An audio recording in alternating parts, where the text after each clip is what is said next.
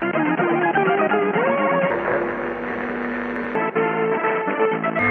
Brev fra Pressens faglige utvalg datert 8. mai 2016. Vi viser til klage fra flere Lolbua-lyttere på at redaksjonsmedlem Jon Cato Lorentzen i sendingen som ble sendt live på Twitch onsdag 4. mai, og publisert som podkast fredag 6. mai, gjentatte ganger hevda at bilnummeret til Donald Duck var 113. PFU har granska påstanden og kommet frem til at Jon Cato Lorentzen tok feil. Det er grundig dokumentert at bilnummeret til Donald Duck er 313 gjennom flere historier gitt ut under Walt Disney. Ettersom Jon Cato Lorentzen hevder å være donaldist og kunnskapsrik rundt Andebys mange innbyggere, anses dette som en grov faktafeil og et presseetisk overgrep. Som straff må Jon Cato fratre sin stilling som programleder og redaksjonsmedlem i Lolbua i 15-1-5 minutter i neste Lolbua-sending. Ytterligere straff anses ikke som nødvendig. Datert 8. mai 2016 for Pressens faglige utvalg, farlige Fiffus.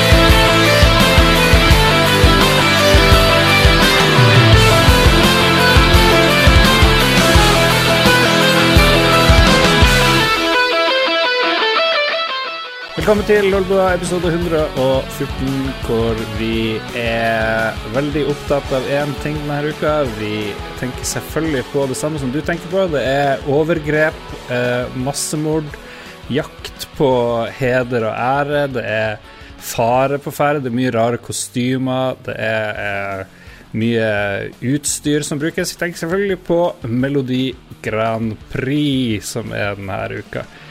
Og som dere hørte i starten her, så har Jon Cato forlatt oss eh, kanskje for 15 minutter, kanskje for mer, så vi gidder ikke å vente på det. Så vi starter, gjør vi ikke det, Magnus Tellefsen? Det gjør vi så absolutt. Lars R. Olsen.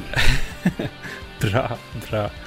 Det er vanlig å eh, snakke om hva vi har gjort og et eller annet vi reagerer på. Men eh, siden vi nå nevnte Melodi Grand Prix, så må jeg høre, er du en sånn Melodi Grand Prix-dude? Jeg er nemlig det. Ja, jeg vet at uh, det er en sånn ting i deres uh, vennekrets å bry seg om det. Og Mm. jeg vet at uh, Jon Cato og co. er veldig glad i De har sånne her Grand Prix-fest og sånne ting når, når det pågår. Jeg, jeg, jeg vet ikke, jeg kan ikke huske sist jeg så Grand Prix. Det det er mer Herregud. enn 15 år siden. Hva, hva Liker du ikke dårlig smak, liksom? Og ja, det er jo stort sett dårlige sanger. Og så er det noen Ja, kanskje litt men- bra. Jeg liker ikke dårlig smak i, sånn her, i syv timer, eller hvor lenge det varer. Det er liksom sånn ja, ok. Sånn, for det Jeg skjønner greia med å se en vittig, dårlig musikkvideo i ny og ne, men når du, går, når du liksom begynner å klokke inn over en time, så bør du begynne å spørre deg sjøl om åssen du disponerer tida di på. Ja. Og det Ja. Det varer litt Jeg- lenge.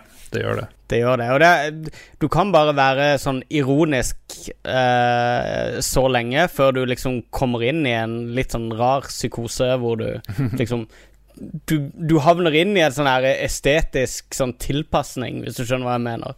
Ja, det er akkurat som med wrestling, da. Hvis du sitter lenge nok og ser på wrestling, så begynner du å liksom Blir du revet med, og du begynner liksom å si 'Å, det var rått', og sånne ting. Og 'han er fet', 'han er teit', og sånne ting. Ikke sant? Det, det, det kommer litt under huden på deg, og jeg har ikke det behovet for å få den formen for innlevelse i, i Grand Prix, jeg. Jeg, snakka med han her eh, tidligere Melodi Grand Prix-generalen, han Jostein Pedersen. Han Ja, eh, fyren fra Mosjøen, eller jeg husker ikke hvor han er fra. Han mente at det, det er litt av problemet, for han reiser, han bruker store deler av året på sånne Melodi Grand Prix-fester. Han sier at hvis man bare får med med folket, de må over en slags kneik, liksom, hvor de gir slipp på, gir slipp på et eller annet. Men han Ja. sa det, det, det er liksom ikke noe én gruppe som liker Melodi Grand Prix. Han hadde quiz, og da var det sånn herre death metal, eh, som han sa det, jeg vet ikke helt hvilken type metal det var. Men det var de som vant eh, quizen, da, ifølge han. eh, Sånn herre gruppa hardbarka rockere. Så eh, det er liksom ikke én gruppe som liker Melodi Grand Prix. Kanskje bortsett fra de eh, homofile. Det er jo litt sånn kjent for å være sånn regnbue. Litt så og- Det er litt eh, stereotypi, det er det. ja. Men det er nok ikke helt usant. Nei, det er nok ikke det. Har, har Norge ei bra låt i år? Nei, ikke egentlig. Men i hvert fall, finale på lørdag. Eh, vi spiller det her inn på onsdag, så vi vet ikke om Norge er med engang. Men jeg er litt sånn tvilende. Jeg tror kanskje ikke Norge blir med. Finland og Island er jo allerede kasta ut, eh, okay. de nordiske, nordiske bidragene. Og så kommer vel Danmark på, sammen med Norge på, på torsdag, så gud vet. Kanskje det blir bare sånn her østblokk og tjo og hei i år. Ja. Men la oss snakke om hva vi har gjort i det siste. Magnus, du har hatt eksamen. Jeg har to eksamener siden sist. Jeg hadde en i forgårs og en i dag, faktisk. Er du ferdig nå med Nei, nei, nei. Jeg har to av fire, og så har jeg to innleveringer. Så jeg har en bachelor og, eh, og en innleveringsoppgave. Så jeg skal sitte i en eh, kald, mørk kjeller på 17. mai, og forhåpentligvis kald, og, eh, og jobbe med skole, lese på eksamener. Det står i sendeskjema Ja, det står i sendeskjema at du har hengt surdeig i taket. Stemmer det? Det er løgn.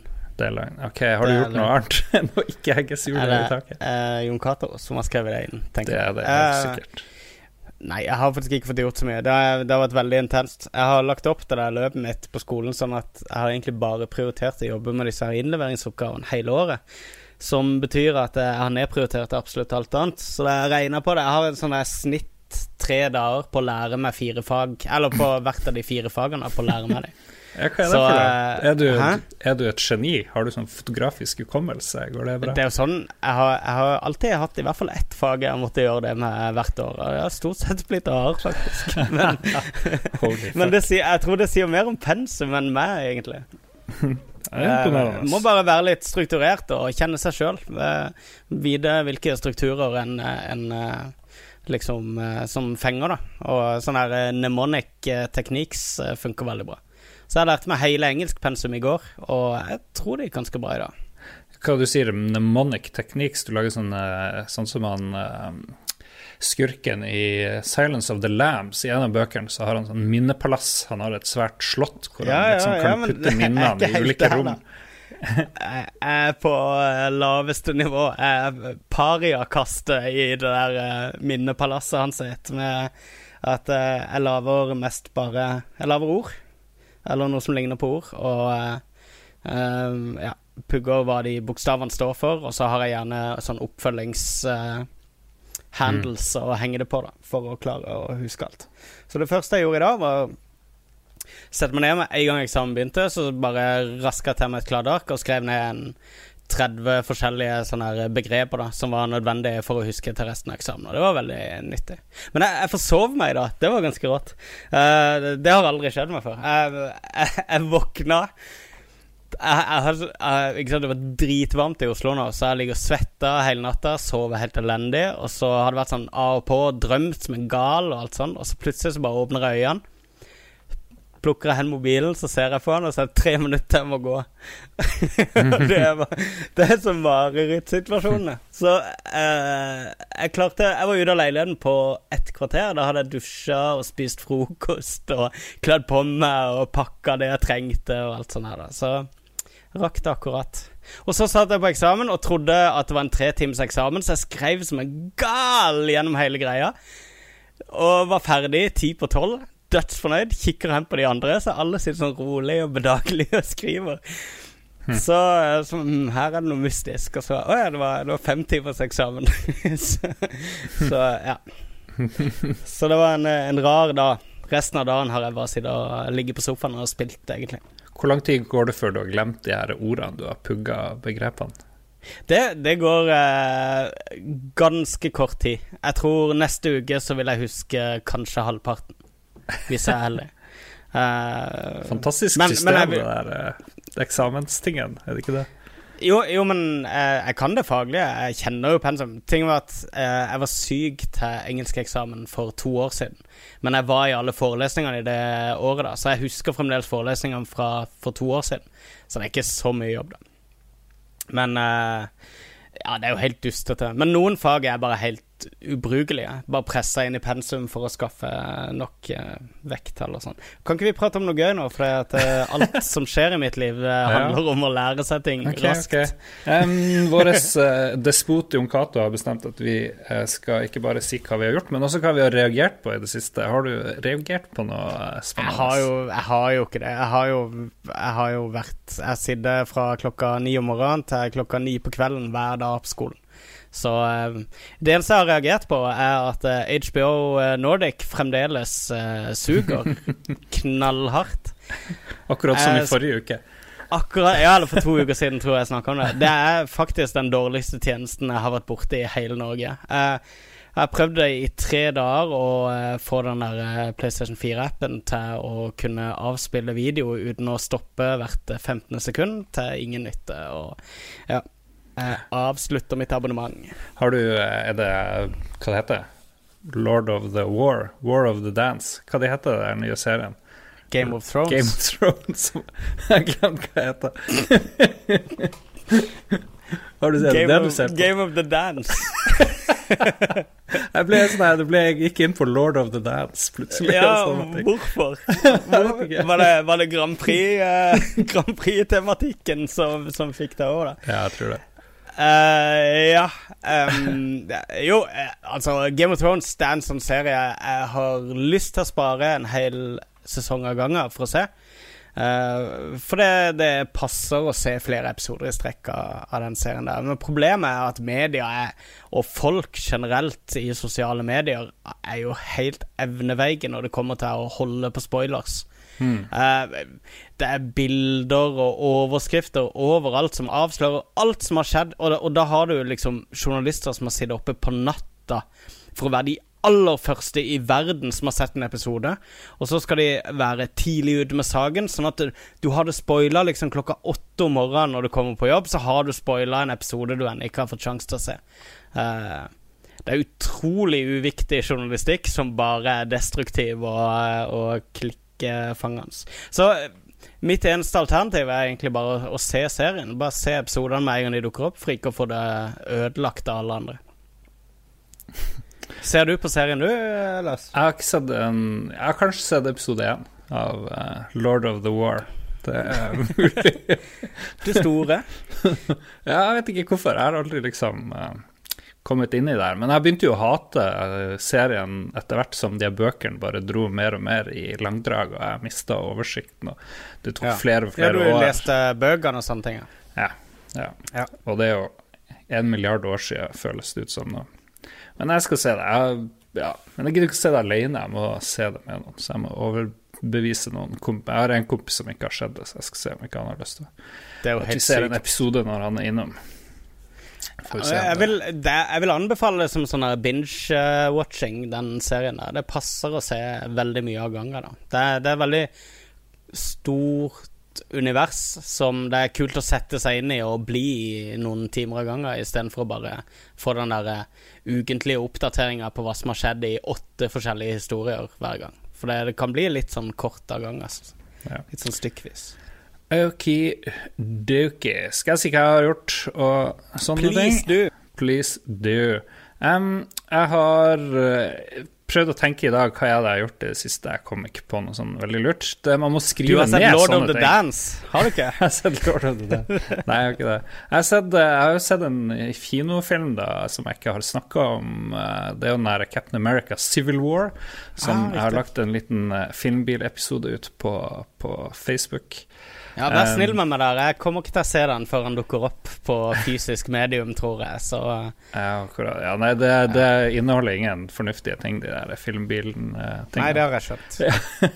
uh, men um, ja, jeg, jeg, var veldig kritisk sånn underveis, og så etter hvert så bare begynte jeg å kose meg mer og mer uh, på den der, uh, den der filmen. Storykonseptet er jo kjempebra. Ja, ja, Det, vi har vel faktisk nevnt litt av det her. eh, Ja, jeg snakka om tegneserien tidligere. Jeg har Ja, lest eh, alt av tegneserien. Ja. Så uh, nå er vi også Jon Cato tilbake. Hallo, jeg snakka om Captain America Civil War. Hvordan går det, Jon? Ja, nå har jeg gjort min plikt. Ja, hvordan Satt du i skammekroken, eller hvor det har vært? Jeg spilte Uncharted 4. Det kommer til å bli sånn straff for alt nå fremover. Jeg sa et ord feil forrige uke, nå må jeg ut i 30 minutter og spille litt Litt eh, Timeout. Ja, time-out. Ja, ja. Um, hadde du sett Captain America, Jon? Skulle ikke du se Ja, den? ja, jeg har sett vi. Hadde forrige uke, så var det jo sånn langhelg. Eller det var Jeg jobba jo fredagen, men vi hadde fri torsdagen. Og så fredagen så dro Synne med de to minste opp på hytta. Så meg og Thomas var alene her fra fredag, lørdag og søndag. Så da skulle vi på Civil War på lørdagen, så da måtte jeg se meg opp. For jeg hadde jo ikke sett den der Age of Ultron, som var dødskjedelig. Jeg liker den. hadde Hæ? Jeg liker den. Ja, den var Det er mye dødtid, ass. Ja, mye, jo, og det, er, det er eh, anstrengt sånn forhold mellom Black Widow og Hulken og det, det, var, det mye rart. Ja, Mye rart. kanskje. Men uh, greit nok, jeg måtte jo se den for å ha hele arken. Og så så vi også Antman på fredag, da. Jeg vet ikke om dere har sett den? Eh, jo. eh, Elsker den. Ja, er Overraskende morsom. Det var bra. Det var også veldig fine røtter ned til eh, originalserien fra 60-tallet, med at han eh, Henry Pym, som jo var helten på 60-tallet, liksom var den originale Antman, og det kommer en ny inn og sånn. Det var kult. Så da ble- følte følt at vi hadde alt innafor. Det eneste jeg ikke hadde sett da, var jo den derre Deadpool, eh, men jeg tenkte det var sikkert ikke så relevant for Civil War. Han er med i Civil War. Altså i Ja. tegneserien. Ja. Ah, ja. Jeg har ikke Ja, han er ikke med i filmen, i hvert fall. Spoiler. Og så dro vi og så filmen på eh, lørdag, og den var kjempekul. Den likte jeg godt. Den hadde driv og tempo hele tida, masse kamper. Og så syns jeg actionscenene begynner å bli De er sånn som tegnefilm-action, eller tegneserie-actionscener skal være. Mye akrobatikk og, og sånn. Så det likte jeg godt. Ja, det er vel den beste action som har vært i en Marvel-film, kanskje, vil jeg si. Ja, det vil jeg påstå. Men nå begynner det å bli sånn, litt sånn rart, fordi Daredevil får jo ikke lov å være med, f.eks., har jeg hørt, av noe Netflix-greier. Ja, hun, ja, altså- Han og Jessica Jones eh, jeg vet ikke om det stemmer, men jeg hørte at de ikke kunne være med av en eller annen grunn. Ja, Spiderman er jo på utlån. For Ja, eh, Spiderman kommer vel De skal jo lage en sånn Sinister Six-film som kommer nærmere jul, og det er jo Spiderman mot hans seks erkefiender. Så jeg Ja. går ut fra at det blir med samme sku... Det var jo På slutten av filmen står det jo 'Spiderman will return'.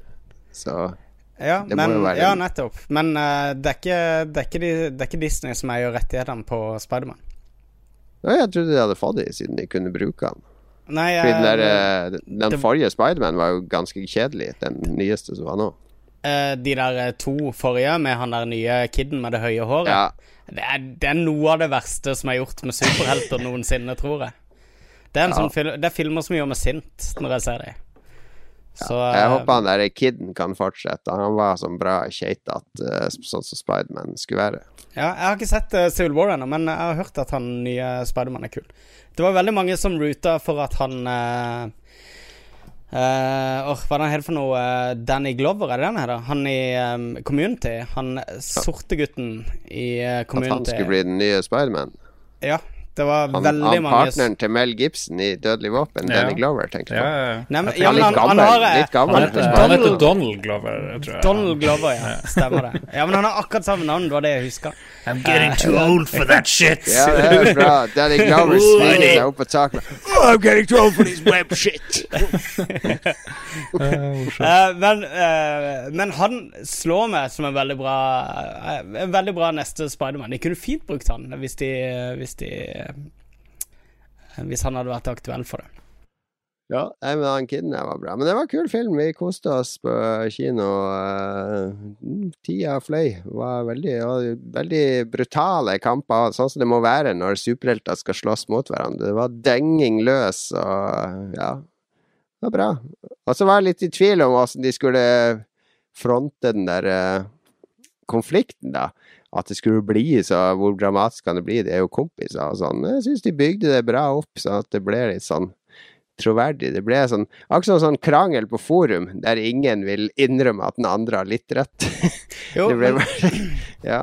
Det er jo det som er kult med hele Civil War, da, at, eh, at konflikten er faktisk Det er et dilemma oppi der. Altså, eh, begge har litt rett, og, og du kan forstå begge sider av saken også, ikke sant? Og, Ja. og det, det er liksom Til å være liksom et tegneserieunivers, er det overraskende eh, kompleks problemstilling, som gjør det ganske interessant.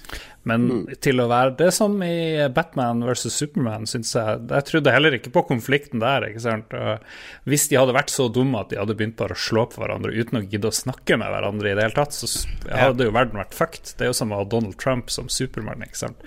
Bare en fyr som antar ting, og som i en sånn romantisk komedie hvor noen bare blir uvenner fordi de gidder ikke prate med hverandre, de bare misforstår og sånne ting.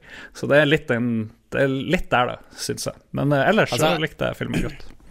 Hensikten med Civil War var jo en sånn herre Cirka hvert tiår så har jo Marvel disse her opprenskning uh, uh, Sånne herre cross-seriene sine hvor hvor de bare rensker Marvel-universet for eh, overflødige helter og, og villains, som uansett Som bare er liksom sånn dødvekt i universet, da.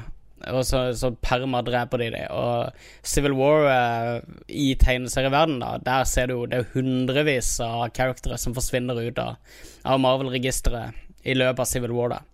Det fins en eh, sånn Punisher-serie på ti sider eller noe, hvor jeg tror det er 50 villains som bare dør i én eksplosjon. uh, og det var sånn Nå er alle vekk. Eh, så eh, Og det er, det er et veldig kult konsept, da, for de holder det veldig friskt. Det er litt sånn som vi prata om, eh, Jon Cato, med Magic the Gathering, med måten de eh, hele tida bare eh, oppdaterer eh, utvalget av kort og, og discarder de gamle for å holde det friskt og, og oppdatert. Så det er jo Ja. Marvel også. Eh, vi holder på med hva vi har gjort i det siste. Jeg kan bare gjøre meg ferdig på hva jeg har reagert. Så kan du bare slippe til, Jon, med hva du har styrt på med. Um, jeg skulle egentlig si noe annet, men jeg har fått så mye tilbakemeldinger fra forrige ukes sending hvor jeg følte at jeg ble litt misforstått med hvor jeg drev og snakka om det der eh, Prince-greia, hvor jeg var litt sånn der Kanskje litt sånn irritert over folk som drev og skulle være så Ja, så jævlig vokal i sin Prince-sympati, og at alle skulle spille inn sine egne videoer. Så kom jeg jo feedback. så, ja, veldig mye feedback. Fordi, men ikke på det, da, men på det jeg sa om at eh, man skulle Jeg kom, fikk jo sånn kjempeidé til det her Deathface, som er en slags eh, versjon av Facebook. Ja, hvor, hvor man bare har nett, hvor man bare har sider og profiler til døde mennesker, så kan man liksom eh, hylle dem, eller et eller annet. Og så sa jeg jo liksom i overført betydning man kunne runke til de her kjendisene. Det var jo ikke bokstavelig ment, det var mer sånn sorgrunking, ikke sant. Så der har jeg fått veldig mye lytterbrev, jeg har fått brev, eh, henvendelser fra NRK til å stille opp i Dagsnytt 18, eh, TV 2 osv. Men jeg tenkte jeg skulle bare oppklare det, da. Men jeg er fremdeles ute etter koder til å lage Deathface, eh, hvis noen kjenner noen eh, til det. Pluss har vært veldig stort bildearkiv da, av døde kjendiser. Sånn, og at man kan registrere seg sjøl, og kanskje kunne det med å koble en nettside mot Facebook og sånt. Eh, så, så det er store penger der, da. Det er det. Takk for meg. jo, du må gjerne lage en sånn uh, uh, underavdeling på Lolbua som kan være prototypen Ja, jeg, til uh, Faces of Death. ja, alt, ok, Vi har titlene 'Faces of Death', Death Face, og så har jeg også 'Bring Out Your Dead', føler jeg kan være en sånn bra tittel. Bringoutyourdead.com. Jon, All right. Ja, eh, hva har jeg gjort? Jo, jeg bygga Min eh, eldste sønn skal konfirmere, så han har fått kjøpe seg ny spill-PC. Egen spill-PC. Mm. Forskudd på konfirmasjonspengene. Så eh, den bestilte vi fra Komplett forrige uke, og så kom den i går. Så vi begynte å bygge i går. Um, og så var jeg litt sånn far som styrer. Jeg må passe på at ting puttes rett og bla, bla, bla. Den Lese alle dit, ja. først. Le- Jeg må jo lese skjema. Leser du aulaen? fra scratch. Nei, Leser Auland på all software? Men du dere ser jo på skjemaet til motherboardet med hvor alle disse LED-strømpluggene skal, og så videre. Man har ikke lyst til å koble noe feil når alt er helt nytt. Og man har True. 20 000 på det. Så, eh, så vi kobla sånn delvis i går. Eh, Skrudde fast motherboard og litt vifte og ram og strømforsyning og litt sånne ting. Og skulle fortsette i dag, men så måtte jeg i de her eh, ettermiddagsmøtene i dag. eh, Business, business, business. Så jeg tenkte han skulle vente til jeg kom hjem, og så får jeg sånn melding ja, nei, nå er han nesten ferdig, og han har sittet inn eh, eh, grafikkortet, og nå har han skrudd fast SSD-en og harddisken, og så jeg får bare teste, da, sier jeg. Så uten å teste, når jeg kom hjem, så hadde han lasta ned Windows 10 og lagt over på en USB på den andre PC-en og begynt å installere det. Så det var sånn manndomsprøve å bygge sin egen PC. Det var gøy å være med på i starten, og så var det var litt sånn eh, Jeg vet ikke, man blir litt sånn som far at man tenker at ungene klarer seg ikke sjøl. Man, eh, man, du blir litt redd for at det ikke skal være behov for deg lenger, hvis du skjønner hva jeg mener når unger Ja, ja. blir voksne. At du skal bli sånn her eh, Du trenger ikke å hjelpe pappa, jeg klarer det sjøl. Jo, men det her er jo sånn som jeg, jeg kan, og sånn. Så, så du blir litt sånn redd for å være irrelevant. Jeg blir ikke redd, men eh, det var egentlig mest eh, morsomt å se at han klarte det helt sjøl, for nå sitter han oppe der og lyser. Nå driver han og formaterer den ekstra harddisken og installere ting og leke med LED-lysinnstillingen. Og han har jo kjøpt selvfølgelig mekanisk tastatur, som alle proffe gamere må ha. Så nå kan jeg jo høre han i første etasje når han sitter og trykker i tredje etasjen på de der enorme bråkeknappene. Så ja, det var eh, veldig Det har vært veldig fin eh, opplevelse å bygge PC med min sønn. Som begynner å bli voksen, tydeligvis. Ja, da begynner jeg å bli voksen. Jeg er konfirmant om to Hvor gammel er han nå? Blir 15 i juni. Mm. Er det da man konfirmerer men det er jo sånn klassisk Ja, konfirmasjonsritual, det der med å kjøpe seg en gaming-PC. Det er mange Det som gjør det. Eh, ja, Jeg gjorde det, faktisk. Jeg prata med vår venn Mats om det òg. Det var liksom Pentiumen han kjøpte til konfirmasjonen sin, som han bygde sjøl. Jeg hadde en 486 SX25 for min del, som eh, var Jeg kjøpte eh, Amiga for mine konfirmasjonspenger. Det var ikke så mye å bygge der, da. Men det var Amiga og monitor, tror jeg kostet sånn 9000 i 1987. Ja, ja.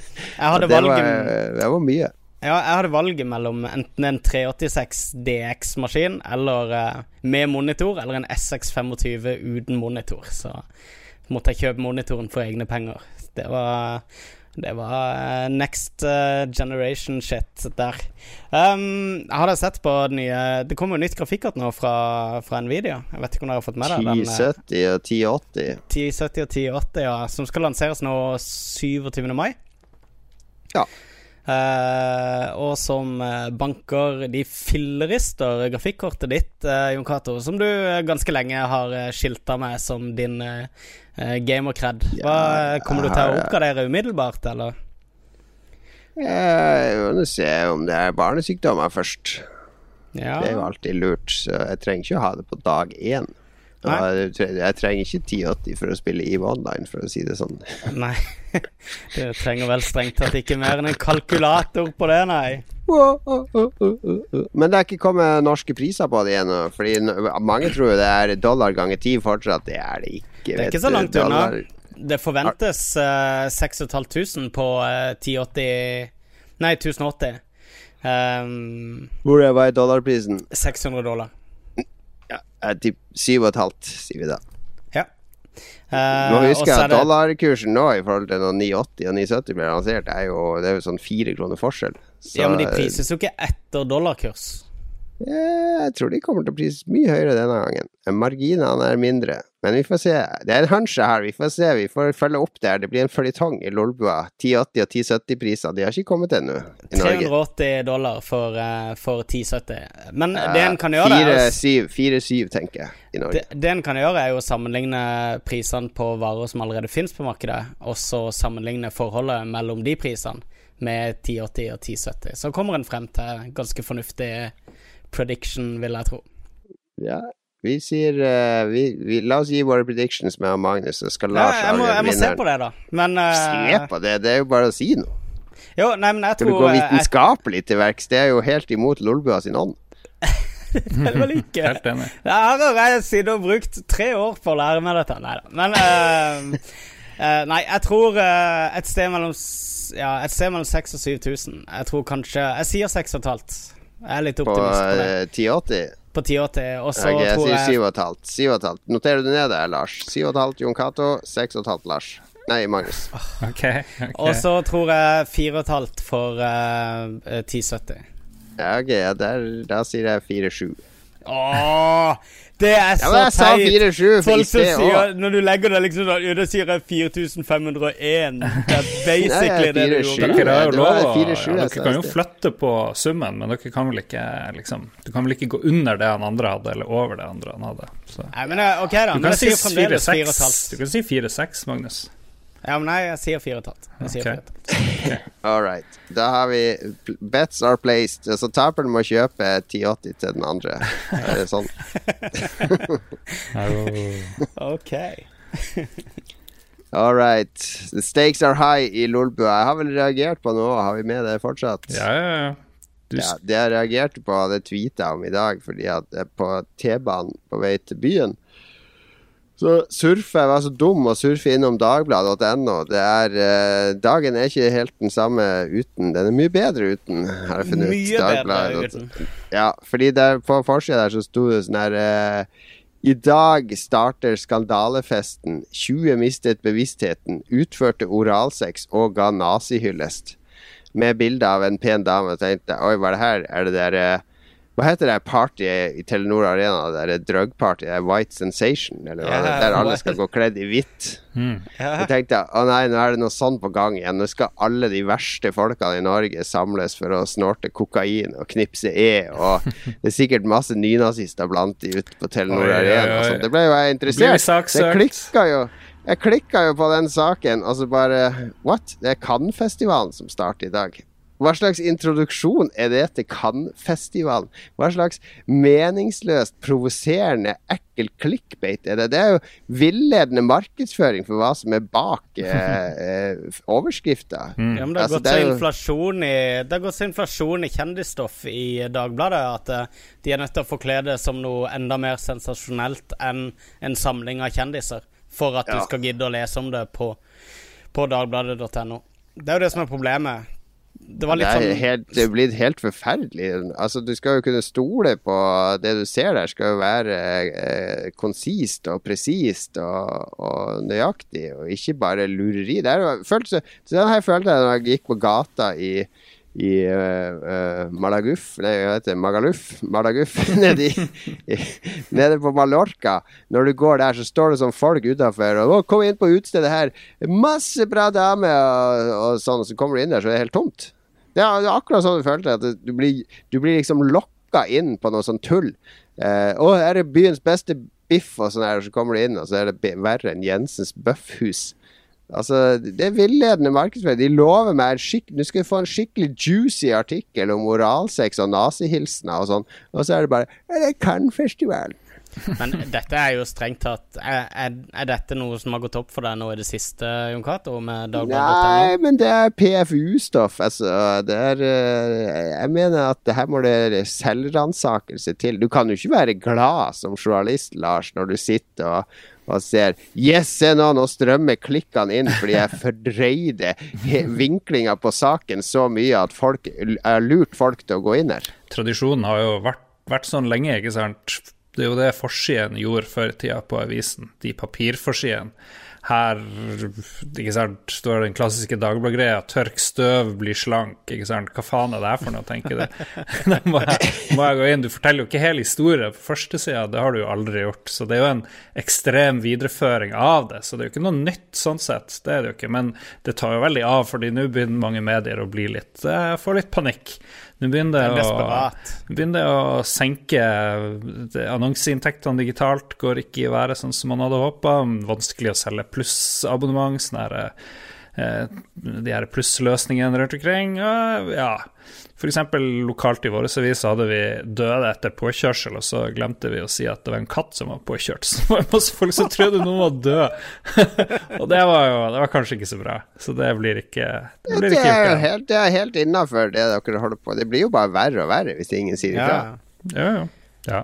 Jeg husker det var eh, min, min bestefar, tror jeg, som sa at eh, han banna ikke fordi han mente at hvis du banner, så går det inflasjon liksom i, i styrken på banning, sånn at da må du komme opp med nye ord for å uttrykke det når, når behovet er der, for å si noe ekstremt. da Og det, det er litt det som har skjedd i, i media de siste årene òg, at, det- at det bare går en, ikke sant, Du begynner med ett utropstegn, da, ikke sant? og til slutt så er det krigstyper og 15 utropstegn. Ja, det er jo krigstyper hver dag, og det var Johan Ja. jo narr av for 20-30 år Ja, ja. siden på forsida nå, når det var sånn krigstyper fordi at uh, uh, et eller annet banalt hadde skjedd, men den terskelen for hva, hva som kan komme på forsida, blir jo å få krigstyper, har jo bare gått ned og ned og ned. Nå kan det jo komme på forsida at Sophie Elise prompa på TV, liksom. Prompeskandale. Prompgate. Prompeglipp.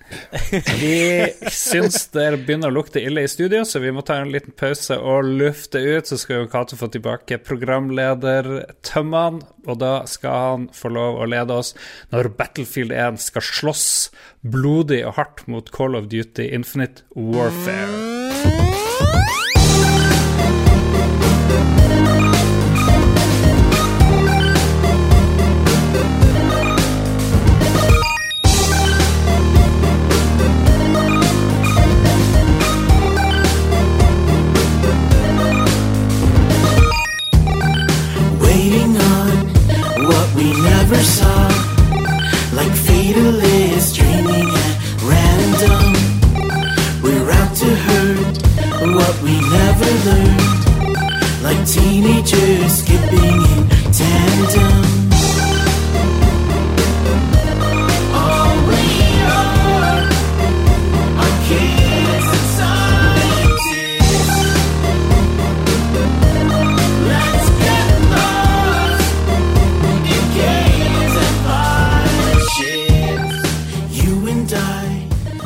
Velkommen tilbake til time. Eh, vi er tilbake. Det var en herlig, livlig låt, det der. Lars vet sannelig hvor han skal plukke de, bare det ikke blir copyright infringement. Hørte dere at jeg kanskje skal ha vår, eh, vår sjef og mentor på besøk eh, om et par uker? Han eh, Dave Lang. Nei, nei, nei, han, eh, han eh, Gusta. Gusta fra Stavanger. Det er ikke han som er vår eh, Han er jo Alle vet jo at Red Crew eier oss. Jo. Så han, nei, han sendte meg Han skrev ja, jo på det. Twitter da at han kanskje trengte et sted i Oslo, og de skulle bort på, på bryllup. Så jeg tilbød jo vårt gjesterom, selvsagt, som jeg alltid gjør. Men, eh, men det dere ikke vet, var jo at det her er planlagt. Det er bare en fasade der. For vi skal egentlig ha sånn CEO-møte. Det er liksom CEO-en i Lolbua, CEO-en i Red Crew, som skal ta noen business decisions. Så Åh, dere er vil få eh, CEO i Lolbua dere vil da få, få vite hva vi har uh, beslutta da, eh, uka etter en gang. Så vi får se om det blir nedskjæringer eller eh, omprioriteringer eller omrokeringer. Det høres veldig bra ut. Ti, time Will-show. Eh, vi skal i hvert fall eh, ta Det skal ikke handle om Red Crew versus Lolbua. Det skal handle om Battlefield 1 versus Call of Duty Infinite Warfare. Eh, Chav Edition. Um, eh, det har nemlig kommet to nye trailere. Det er en trailer til Call of Duty. Jeg tror jeg har sett noe glimt av den. Den er noe i verdensrommet og sånn. Det, ja, mm. det, det var masse våpen og skyting, så da, da går det liksom inn det ene øyet og ut det andre. Det heter kanskje ikke det, men det, det funka. Går inn begge øyene og ut ræva. og så var det en sånn uh, Battlefield-trailer, og den så jeg faktisk, og det var, alle var sånn Woo! over den, men det var ok, det, ja, det var jo noe sånn derre ganske blodig og noe slagvåpen og første verdenskrig og sånn, skjønte jeg etter hvert. Kult nok. en, en film uten noe gameplay, var det ikke det? Den Battlefield 1-videoen. var ikke noe Ja. gameplay der, var det det? Det var vel ikke noe Nei, gameplay ja, noen av de, tror jeg. ikke. Nei, nei. Det var sånn Wow, CGI! Nei, det var ikke CGI, det var real, det var real-time capture fra Engine. Var det det? Ja da. Ja. Men det her var liksom Da blir det liksom en sånn krig på nettet da mellom de to, fordi det ble lansert omtrent samtidig, hvis jeg har skjønt riktig. Ja, omtrent, nesten. Ikke Men det, de gjør det ikke alltid det når det blir lansert Battlefield? Er det ikke eller er det ikke stort sett samtidig som så er det alltid snakk om den store Det er jo ikke Battlefield hvert år. Det forrige Nei. Battlefield var jo det elendige politispillet laga av Visceral Games, som alle tror skal lage et bra Star Wars-spill, plutselig. Men eh, nei, det, det var Forrige Battlefield var jo var Hardline, var det det het? Der du kunne vise politibadgen og med en knapp. Banke svarte, var det ikke det det gikk kjedelig. ut på? Sånn sånn Ja, overgrepssimulator. du- Jeg har ikke spilt det, jeg heller. Det var sånn du spilte Multiplayeren det. var faktisk litt kul. Men uh, det forrige Battlefield, altså Battlefield 4, var jo knallbra. Ja, Det var jo visstnok. ei perle, så syns jeg, da. Så jeg gleder meg dritmye til et nytt uh, Battlefield. Jeg tror jeg er den eneste som ikke syns det er sånn her superstas med første verdenskrig. Det er liksom Ja, yeah, begrensninger i våpen. Det er det gøyeste jeg vet. ja, litt kleine våpen. Snipere som ikke skyter like langt. Tanks som ikke er like effektive. Ikke sant? Alt er liksom litt sånn Litt mer uh, steinalder. Ja, altså hele spillet skulle bare gått ut på Ok, det her tar uh, ni måneder å installere. Så når det er ferdig installert, så er det sånn her Ok, nå må du løpe opp av den skyttergropa her, og så går det fem sekunder, og så er det skutt. Yes. Det var er, så kan du gjerne få montere på en sånn klumpfot som følger med i pakken da, mens du sitter og venter på installeringa. Du begynner i sennepsgass, og så har du bare 20 sekunder på å løpe i en hvilken som helst retning for å komme deg ut i livet. Det er en bra begynnelse. Mm, den, den der eh, Du likte traileren, da? Ja? Battlefield 1-traileren har jo fått sånn rekord i antall likes på en trailer. Det har aldri vært flere likes, og når Call of Duty har fått sånn en million dislikes eller noe sånt helt absurd mye Jeg vil jo tro at det er mye de her Call of Duty versus Battlefield-fansen som driver og mobiliserer til et eller annet som ikke jeg helt skjønner. Jeg, Jeg tror eh, Call of Duty-fansen er nok ikke så lojale, tror jeg. Det er liksom det er Battlefield-folkene som går aktivt ut og negger eh, Call of Duty, liksom. Ja. Det er det nok. Men eh, Lars, både meg og deg satt jo um, Vi satt jo og så på annonseringa live på Twitch. oi, oi. ja. Både meg og Lars og Gusta. Gusta fra London, faktisk. Han var i London og, og tilbrakte tida eh, sammen med meg og Lars, og, og kom med, med eh, syrlige kommentarer eh, underveis i annonseringa. Og eh, det var jo ikke akkurat en, et, et, et, fyrverkeri av en annonsering, vil du si det? Jeg, jeg sa vel underveis at det er den minst proffe annonseringen jeg har sett eh, i mitt liv. Helt sykt. Det var, det var Jeg har aldri sett noen så nervøse. Det er han der sjefen i Dice. Ja, Lars et eller annet het han faktisk. Ja, Ja, han var For en kjedelig, dirrende nervøs type som sto der og prøvde å ja. presentere spillet. Men, eh, men ja, ja, ja. Jeg vet ikke, det, men det er tydeligvis et eller annet som resonnerer hos folk mer i Battlefield-tingen. I hvert fall hos de mer aktive på nettet, da. Som jeg ikke helt skjønner hvorfor.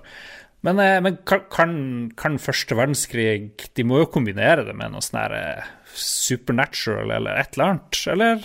Fordi det Ja, det tenkte jeg når jeg Ja. så den. Fordi det er jo sånne der eh, flammekastere og fremrykning, og det virker jo som det er annerledes enn første verdenskrig faktisk var. Jeg tror det er noe alternativt univers, i hvert fall. Altså, de, de innfører jo eh, De innfører hester og eh, sverdkamp og sånn, og det er jo veldig mye folk har kicka på, da. Med at det kommer liksom nye måter å slåss på, nye fartøy og sånne ting. Det er jo Ja, det Battlefield-fansen er ute etter. Ja, men det diskuterte jeg med noen i dag, faktisk, for jeg hadde fore, forelesning i dag. Og der, der snakka vi litt om den traileren med, med og noen elever.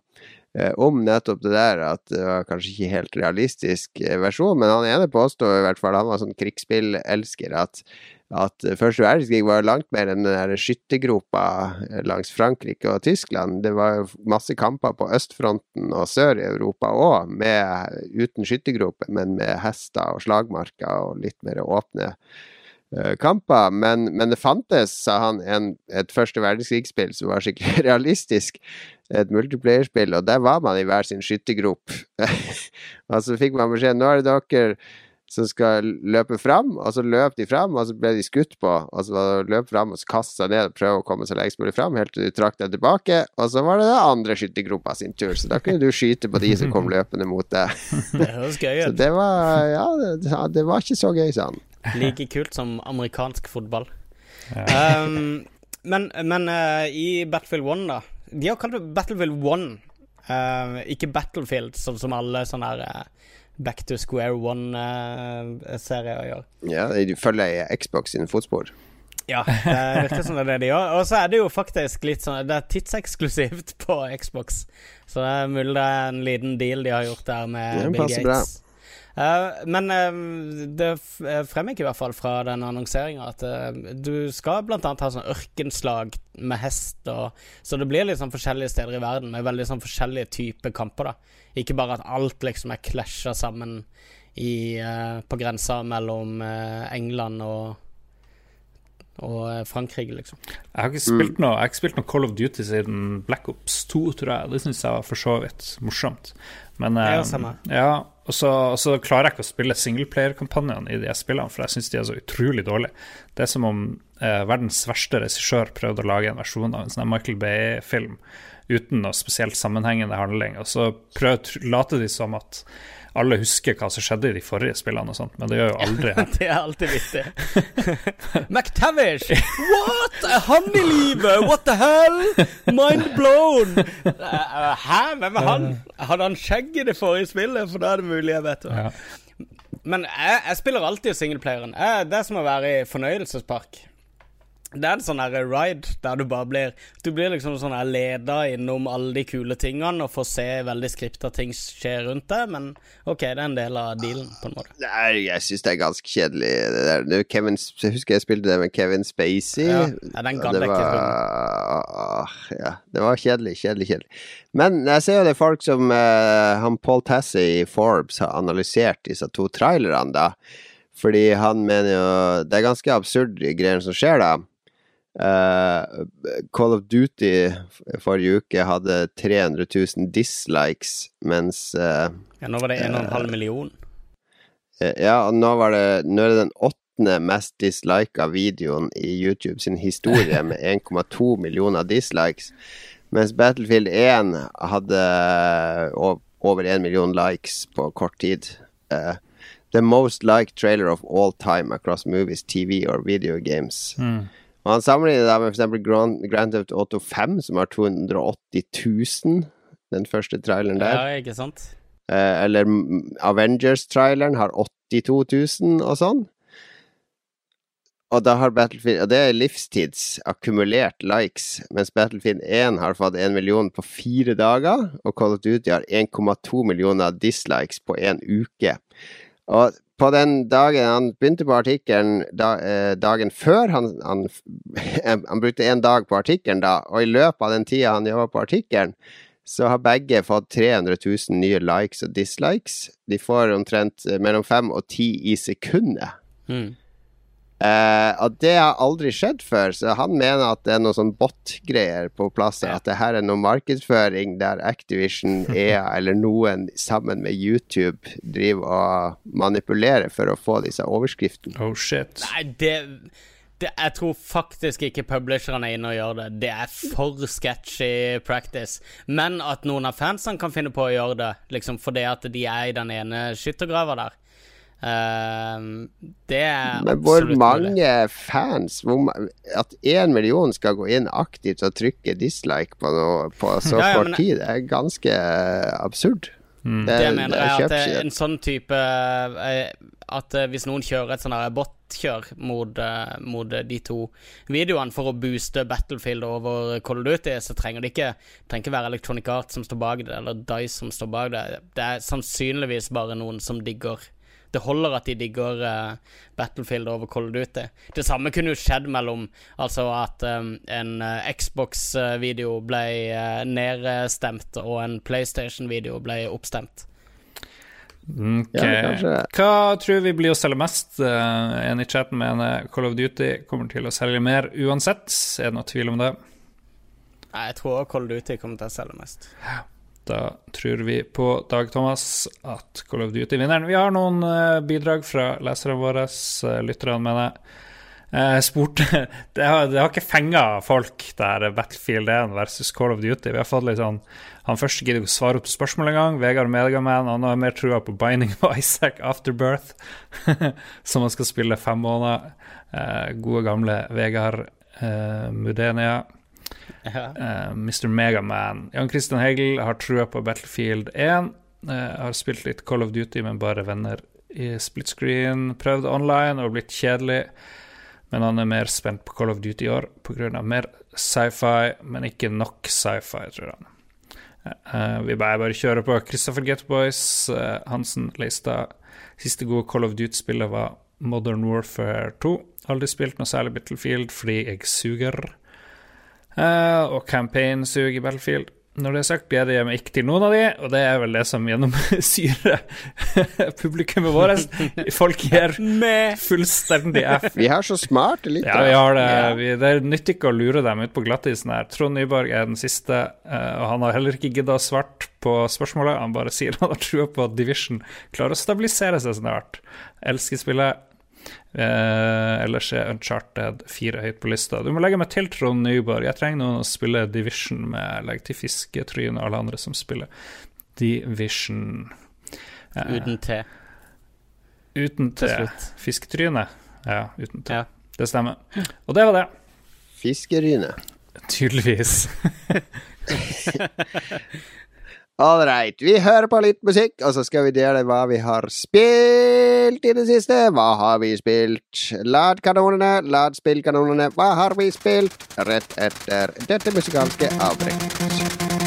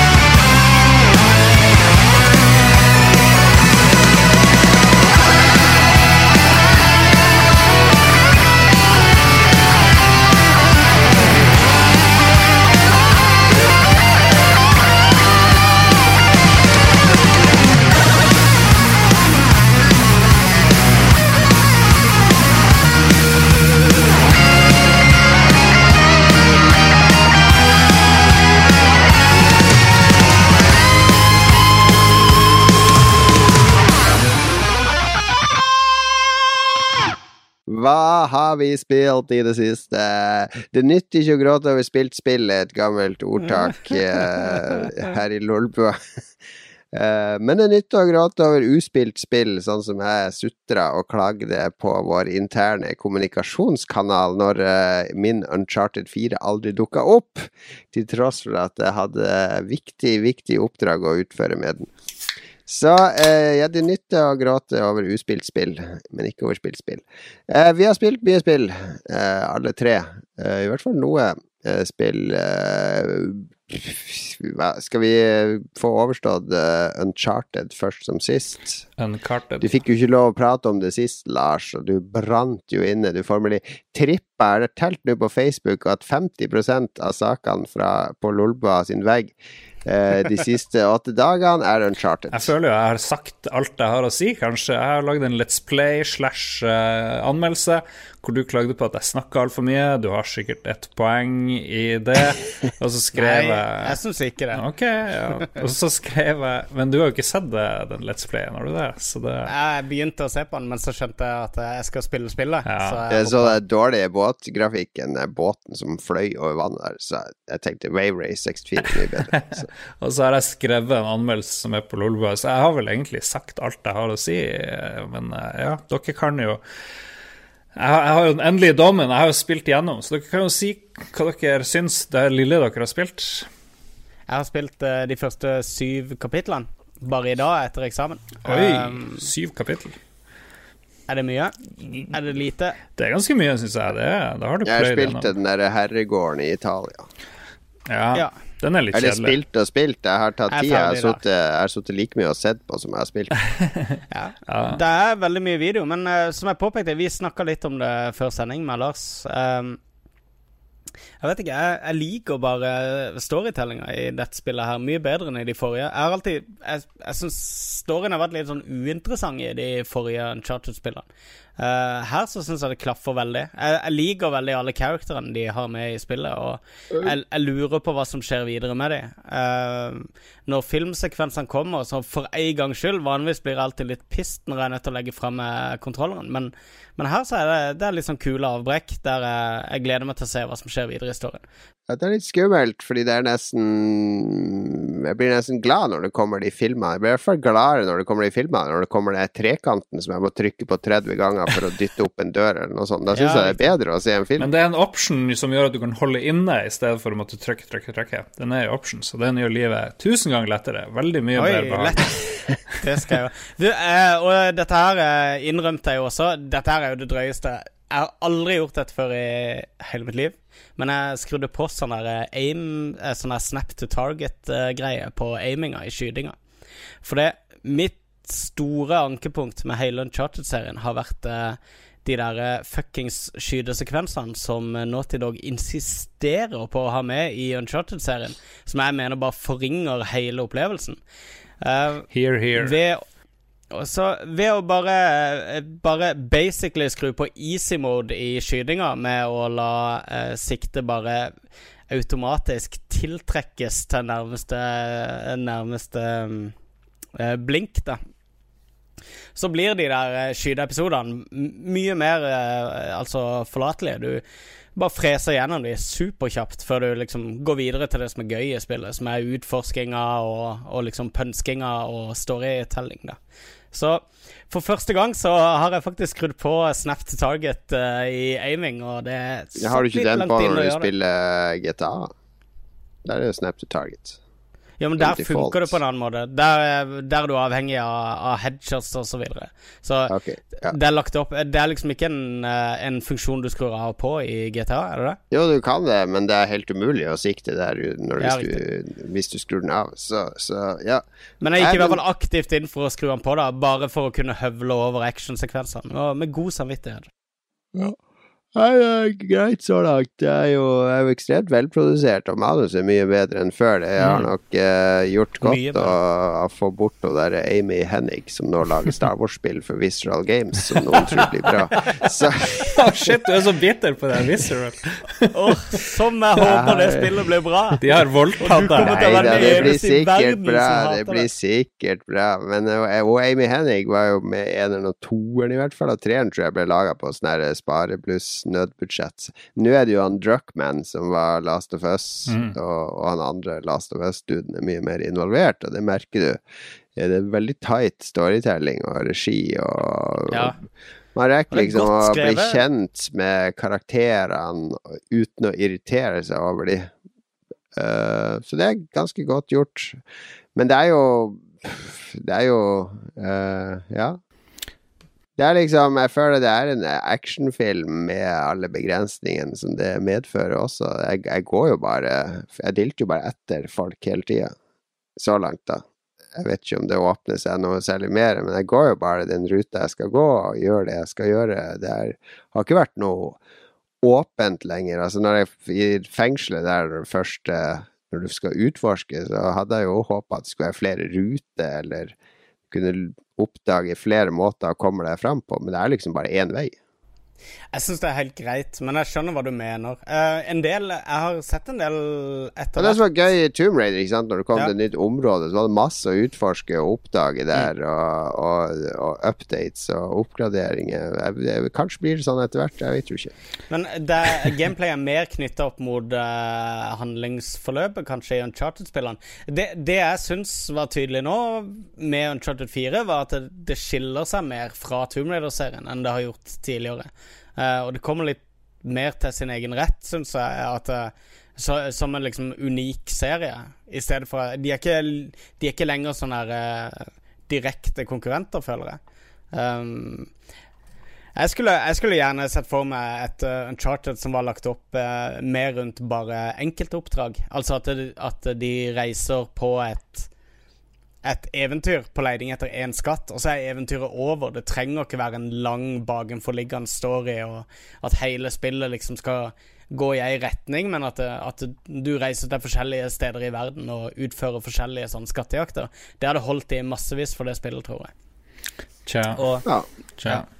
Nei, det, jeg har jo spilt hele greia, og uten å spoile noe Ja. som helst, så blir jo spillet mye, mye bedre etter hvert. Um, og så blir det ikke minst mye mer penere. Men jeg føler jo at de har jeg synes lagt grafikken er dødsbra. Men de har lagt så mye mer vekt på utseendet på det her spillet enn eh, selve gameplayen. Det er ingen tvil om. Men skal du spille det på nytt? Spille det på nytt? Kommer du til å sp når PlayStation Neo kommer og det ser enda bedre ut? Fordi de garantert jobber med en diger Ja, ja. oppgradering til Neo-lanseringa. Det her kommer til å være flaggskiptittel til Neo. Smoothere framerate, bedre teksturer. Mm, jeg sa jo i min Let's Play at jeg drev og sleit med motivasjon til å bare spille gjennom første timen på nytt. Så jeg kommer ikke til å spille det noen flere ganger.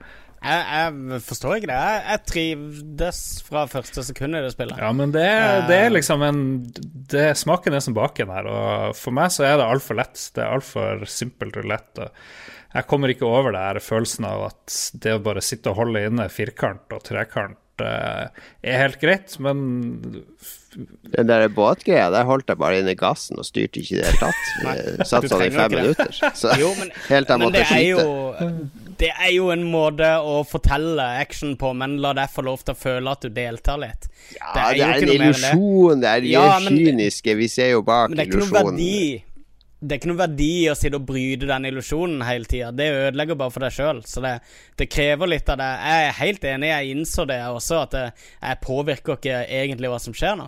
Men jeg, jeg syns ikke det er viktig liksom å tydeliggjøre det, for du taper bare på det sjøl som spiller. Det er, mulig, Ja, det ja, er- det er mulig jeg hadde veldig lave forventninger etter hvert, men jeg har aldri vært så imponert over slutten på et spill som det jeg var her. Men jeg tipper det var fordi jeg var veldig deprimert eh, i store deler av da jeg spilte og bare hata skytinga. Syns hoppinga og klatringa ble veldig, veldig lik. Og så med en gang det kom litt variasjon, så ble jeg utrolig glad. Men eh, jeg, tror, jeg tror faktisk eh, du òg, Jon, kommer til å være fornøyd med å, å ha, ha runda det her spillet når du nå får gjort det. Vi får se om jeg holder ut. Jeg er ferdig trent til planetary uh, interaction i Eve nå, så nå må jeg bruke noen dager på å skanne planeter. Jeg har hørt rykter om at du ikke klarte det første puzzlet, så det spørs om du klarer det der spillet, da, som jeg kaller så lett. Så det er liksom lagd for treåringer der. Ja, Ja, Det var de dumme romertallene. ja. Alle vet jo at de spanske sjørøverne brukte jo ikke romertall, så det er bare det var totalt irrasjonell puzzle. Så eh, Eh, første puzzle i spillet. Ja, ja, ok. Nok om Uncharted. Nå tror jeg vi har mista sykt mye folk som trodde vi skulle spoile masse, men eh, det får så være. Uh, Nei da, det går bra, det går bra. Jeg kan heller spoile noe som jeg har spilt, nemlig uh, Mini Mario and Friends på VU. Nei, vi, vi, Nintendo ga ut et sånn gratisspill til VU. Det er gratis fordi at du må ha Amibos for å spille det. Uh, og de som har spilt der Så det er ikke gratis. Ja, det er gratis hvis du har Amiboene fra før, som jeg hadde. Så siden jeg har alle. Men eh, det er de som har spilt der Mario versus Donkey Kong-spillene, eh, det som er sånn puslespill med Mario-robot og Donkey Kong-robot og sånn, der han går rett fram. Litt som Lemming, så han går rett fram, så må du lage veier og åpne dører og broer og sette ut trampoliner og sånne ting for å få de til å gå til exiten. Det er en avart av det, da der du kan aktivere ti ulike, tror jeg, eh, roboter med tilhørende Amiibo. Så du har en Donkey Kong Hvis du har Donkey Kong-amiboen, så får du Donkey Kong-miniroboten. eh, mini-roboten. Yes. Og, og Diddy Kong er med, og Peach og Luigi og Toad og eh, Mini-Boser osv. Det som er kult, er at alle robotene har en sånn unik ferdigheter. Eh, Boser Bowser han kan hoppe gjennom eh, murblokker. Uh, Minibowser, han kan fly over pigger. Luigi kan hoppe ekstra høyt hvis han møter en vegg. Så du kan drive og switche mellom de figurene på brettene da, for å komme til områder som bare Luigi kan nå med hoppet sitt, eller bare Donkey Kong kan nå. Det er pay to win, er det det du sier? eh, Nei, ikke hvis du har alle amiiboene, men du trenger ikke det. Men hver amiibo har da også fire spesialbaner, så hvis du kommer deg til døra til den amiiboen på hovedbrettet, så låser du opp en sånn herre sideverden som er bare for den Amiboen, da, som utnytter alle hans eh, styrker. Og det er ikke veldig Det er ikke sånn superbra spill, men det er, eh, det er veldig sjarmerende og fint. Og ungene, Jeg spilte med ungene og hver ettermiddag etter lekser gjort og sånn, så har vi sittet og spilt det en halvtime. Der de velger figurer, og jeg styrer på brettene, og vi eh, hjelper hverandre å finne løsninger. Det er Veldig morsomt puzzle. Puzzle, koselig Nintendo-puzzle for de som har litt Amiibo. Eh, det er ikke verdt å bruke 2500 på å kjøpe alle de ti Amiiboene for å spille det gratisspillet, men har du noen av de klassiske Amiiboene, Mario og et par til, så kan du få mye moro ut av det. Jeg trenger, jeg trenger hjelp, folkens. Eh, Jeg har en svær haug med Nintendo-spill som jeg bare ikke får meg til å, å starte opp på. Sånn herre eh, Xenogears og Zelda-remaken og eh, alt mulig. Alt det som har kommet i det siste, har jeg liksom ikke kommet i gang med. Hva er det som skjer? Jeg klarer ikke å forklare det. I don't know what's going Miss- on. Kanskje det har med annonsering av NX å gjøre, og at uh, konsollen liksom er litt uinteressant nå, etter at du vet at han liksom er Ikke bare har du gått med en liten følelse i en stund om at det begynner å bli en litt sånn avleggskonsoll, men nå har Nintendo på mange måter bekrefta det med å annonsere en ny konsoll. Det er ofte sånn. Nei, jeg tror ikke det har noe å si. Jeg tror bare at du er vant til å spille på PlayStation. Eh, Du slår sikkert ikke på Xboxen din så ofte heller, med mindre det kommer et supereksklusivt nytt spill der, sånn som Quantum Break. Det er et morsomt poeng da med Uncharted, fordi jeg skrudde på Quantum Break etter å ha spilt Uncharted, bare for å le høyt av dramaturgien og Ja. manuset og cutscenene i Quantum Break. Herregud, så mye dårligere og mer amatørmessig de ser ut etter å ha sett eh, Uncharted. Ja. Jeg tenkte òg at Uncharted var skikkelig sånn her eh, nytt, nytt nivå for storydrevne spill i Word. Det er veldig sjelden Word. jeg har følt med noen karakterer sånn som jeg har gjort det i eh, Uncharted, faktisk. Det overrasker meg. Ja, sist var Sofie Sofitia i Battler of Toshin. Hun følte du mye med, hørte Det det rykter. var, det, Det det var i Soul Calibur, eh, Jo Skal du Nei, ja, det ja, skal vi, vi tenker på, det, på i Battler in Arena Toshin, for der kunne du freeze Ja. framen, freeze skjermen. Viste Jon Og da. trusa Det var. Jon som visste meg dette trikset. Jeg leste det i noe sånt her tvilsomt eh, forum, sikkert, på Alt Games Porn, eller et eller annet. På Usenet. Ja, noe sånt. Sofia heter det der. Sofia, Sofie, ja. bare. ja. Gode gamle. gamle. ble det red light hos uh, Jon Cato med en gang han gikk inn på den spesialsida si for å finne Ja, hun, er fra, hun er fra Russland, og blodtype A. Ok. blodtype A. Du, du, du snakker om blod. Er det noe som har lagt merke til at uh, det er en ting som ikke befinner seg i Uncharted? Det er ikke blod noe sted. Hæ? Gjør det ikke det? Nei. Nei, jeg, altså Ok, nå spoiler jeg ikke noe, fordi det er veldig veldig tidlig, men det er snakk om noen som bryter seg ut av et fengsel. Og du ser mange vakter som allerede er drept, som ligger strødd utover bakken. Så jeg gikk litt rundt og så på dem, og så var det ikke Det var ingen Det var ikke noe rød farve på dem. De var jo svimeslått. Svimeslått. Nei, de var De var så absolutt skutt. 16 års Ja, aldersgrense. Ja. Ja, De ville vel holde det på 18, det er typisk. Det er Gamergate-sak. Det blir sensurert for å holde aldersgrensa Ja, nede, men, så det eh, ikke skal det- bli 18. Det, jeg vet ikke hva som gjorde det, men jeg forventa å se blodpøler der. Jeg, hadde, jeg følte at her hadde det vært korrekt å bli sjokkert over voldsbruken. For det, det ja, skaper karakter for den personen som var ansvarlig for den voldsbruken. Det er eh, Eller jeg tenkte ikke over det. Jeg tenker det er en sånn der eh, ungdomskomedie. det er ikke så mye blod i eh, Det er ikke så mye blod i eh, Civil War heller, selv om de denger løs på hverandre og er like sterke som ti okser til sammen. Nei da. Men det var bare Og, og det er fair enough. Uh, men Skulle gjerne sett en Marvel-film der Captain America reiv hodet av en fiende, så spinen fulgte med opp, og det spruta, sto dekt i blod, og ropte USA, motherfucker! USA!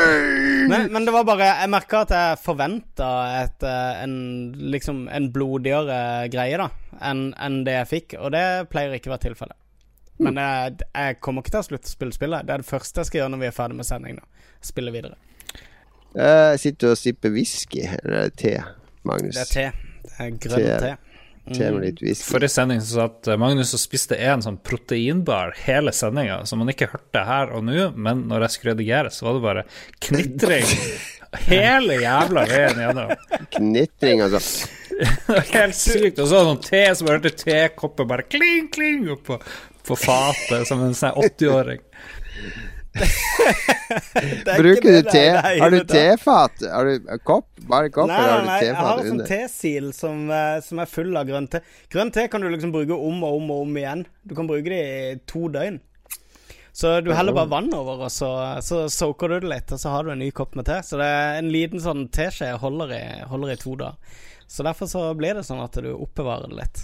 Så da blir det litt klinking. Men uh, ja, det var litt som å sitte på kino og liksom sånn, sitte og sånn der smugknitre. Og det var det jeg endte opp med å gjøre den sendinga. Beklager det. Det skal aldri skje igjen. Ja, Ja. de måtte jo hysje på en dude på kinoen på Civil War, for han hadde med seg sin sønn på seks år og skulle sitte og simultanoversette filmen til han rett bak meg. Hæ? Det, Det hadde ja. Det hadde jeg ikke gått med på, altså. Ja. Nei, ja, der, der, ga jeg, der sendte jeg tilbake en Hysj. Gjorde du det? Å, Ja, så deilig. selvfølgelig. Jesus Christ. Jeg betalte 250 spenn for meg og sønnen min for å se en film. Så skal jo ikke sitte folk bak der som tror de sitter midt i stua si. Det husker jeg på Titanic òg. Husker du det, Lars? Der var vi i lag. Der satt jo eh, der, måtte, der kunne jeg ikke hysje deg, men det satt jo en sånn 100 år gammel gubbe og kjerringa på kino, og hun kjerringa satt til han gubben Der er han fra i sted.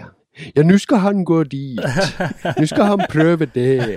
Og så satt jo hele tida og forklarte for mannen, som han, kanskje han var sikkert dement, eller noe sånt, kanskje han ikke helt hang med, da, så han skulle bare passe på at han, at han skjønte konteksten av det han så, da. Så det var jo, det var jo mer søtt, tenkte jeg. Det er en av grunnene til at jeg ikke drar så mye på kino, er at jeg irriterer meg veldig lett over de som sitter rundt meg. Um, jeg, jeg husker jeg var så eh, South Park på kino. Det skulle jeg aldri gjort, for eksempel. Mm. Det var en dødsbra film, og som jeg har sett eh, sikkert 15 ganger i etterkant. Og eh, å se den på kino er noe av det døveste jeg noensinne har gjort. Der var liksom alle 15 år gamle, og alle lo høyt og hjertelig hver gang noen sa 'fuck' i den filmen, som er hele tida. Og det er liksom, de lo på bare på det vulgære. Og du bare irriterer deg. Bare gå ut. Hold kjeft. Og jeg, jeg klarer ikke se klarer ikke se komedier på kino, rett og slett. Lite vi må ta arrangere, Lars, en flashmob på kino en gang når Magnus skal. Når vi vet han skal, så har vi fylt kinoen med folk, og så begynner de å danse sånn flashmob midt i filmen. Da tror jeg Magnus dør av skam. Ja, det er og, eh. Men sist jeg var på en komedie på kino, da var jeg på en sånn her forhåndsvisning av den der Klovnen 2. Og da var, Ja. de, da var de i salen, de der to danskene som står bak filmen. da Og da satt det en bak oss og bare sånn show-off-lo ekstra hardt på alt som skjedde i filmen. Fordi han skulle Fordi han var der med daten sin og skulle være han som liksom get it mest, da. Og det, det var så tydelig at han ikke engang mente det, og det ødela mye av filmen for meg, rett og slett. Det er mye menneskehat i Magnus. Mye Ja, hat kommer er til overflata når du putter prodde. Han er akkurat som et sånn dyr. Hvis du prodder det på riktig måte, så får du se det forvandle seg til et beist fra et uskyldig lite dyr til et bare villdyr som kan drepe deg med, med ett et scratch. Vi skal over til lytterspalten rett etter these messages. Hey, Mr. Block, can I go to the bathroom? Two minutes.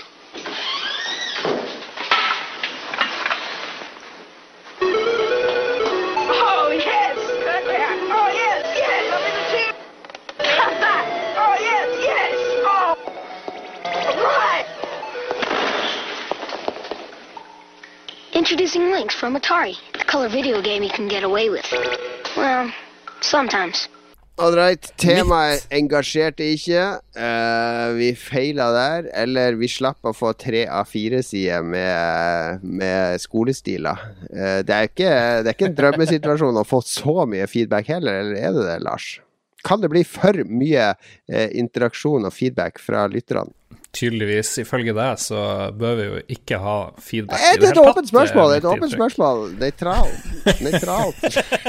Ja, det hadde jo Jeg lagde jo Vi lagde jo alle, det har jo sikkert alle vi gjort, laga sånn nærradio for oss sjøl da vi var små. Der du tok opp på kassett og hadde værmelding og dagsrevy og sånn. Det var jo som regel bare du som hørte den. Eh, hvis du ikke pinte foreldrene dine eller søsken med det. Det måtte man jo gjøre. Så jeg lagde mye bra. Jeg skulle tatt vare på de kassettene og gi de ut som podkast i dag. Ja, ja. Jeg vet uh, Jeg lagde hørespill og alt mulig. Jeg vet han, um, Du vet han Tommy Wirkola, dere vet han regissøren, den norske. Han driver jo og gjør suksess. Nå skal han drive og adoptere en sånn her eh, comic book-greie for eh, Adam eller sånn. Han har jo hatt turné rundt omkring oppe i Finnmark og ellers i landet, hvor han bl.a. leste opp skolestilene sine fra barneskolen, som var ganske blodige og grusomme greier. som var morsomt å høre på. Så kanskje lydbarn-lokalradiotingene dine, Jon, hadde gjort seg på turné, dem òg. Vi får se hva vi får til. Vi skal i hvert fall til den tradisjonelle lytterspalten, og der er det sedvanlig engasjement fra våre lyttere som lurer på stort og smått, eh, bredt og smalt. Ingen spørsmål er for dumme, ingen spørsmål er for smarte. Kunnskapspanelet i Lolbua sitter klar til å besvare det du måtte lure på, og gi sin input og sin kommentar på dilemmaer, utfordringer og observasjoner. Alt ledet av vår doktor Filus Lars Rikard Olsen. Takk, takk, takk, takk. Doktor eh, Lorentzen. Er En glede å få, få ordet, finally. Vi har fått et bidrag.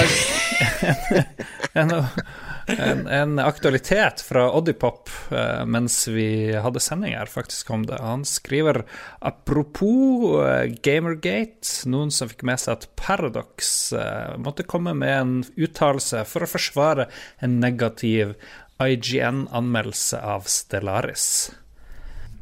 Det har jeg ikke fått med meg. Jo, det, det leste jeg i dag faktisk på vei hjem fra det møtet, at uh, fordi IGN de har en strategispill-dude, han har anmeldt flere Paradox-spill før, så han er absolutt skikka til å anmelde strategispill. Eh, altså ga han en litt sånn smålunken anmeldelse av uh, Stellaris, Ja, 9,7. med noe legitim Jeg vet ikke hva karakteren var, men han hadde noen innvendinger mot det. Å, oh, sjokk horror, en kritiker som har noen innvendinger mot et kulturprodukt. Ja, det Eh, det, det skulle tatt seg ut, men eh, han gjorde jo det, da. Og det her er jo sånn spill med 95 ju- yes på Steam, så det har jo en fanatisk following, og da kommer de ut en mas. Og eh, ja, det er, det er den derre høygaffelgjengen som har eh, forlangt at han må gå av. Fordi han, han sier noe dumt om spillet deres. Eh, ja, fra, så- fra vervet sitt som spillanmelder. det gikk så langt at Paradox måtte lage en bloggpost der de stilte seg bak anmeldelsen. De var ikke enig i bedømminga hans, men de stilte seg bak hans rett til å kritisere deres spill, da. Og, og ba pent om at spillerne ikke uttalte seg på vegne av Paradox. Wow. Eller ble krenka på vegne av Paradox. Det er ganske pinlig, da. Det er Ja, ganske pinlig, er pinlig, når, eh, når den derre andregradskrenkelsen eh, blir, eh, blir irettesagt av de som eh, du mener ble krenka av det her.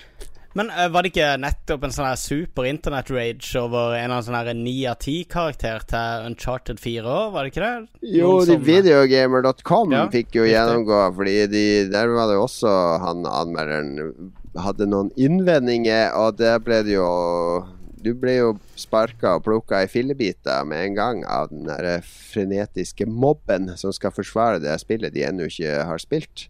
Eh, Ja. Så de, de ga ut en veldig sånn sarkastisk tilsvar på det, da, at det her skulle bli slutt på. Det var sånn engelsk tørr eh, sarkasme og ironi med at han hadde blitt kalt inn på teppet, og nå skulle han aldri få anmelde et hypa spill mer uten å, uten å love at det skulle få toppkarakter og Ja. Det var en morsom tekst. Jeg, hadde jo akkurat det samme. anmeldt. eh, Jeg tror jeg ga ni av ti til Uncharted 2.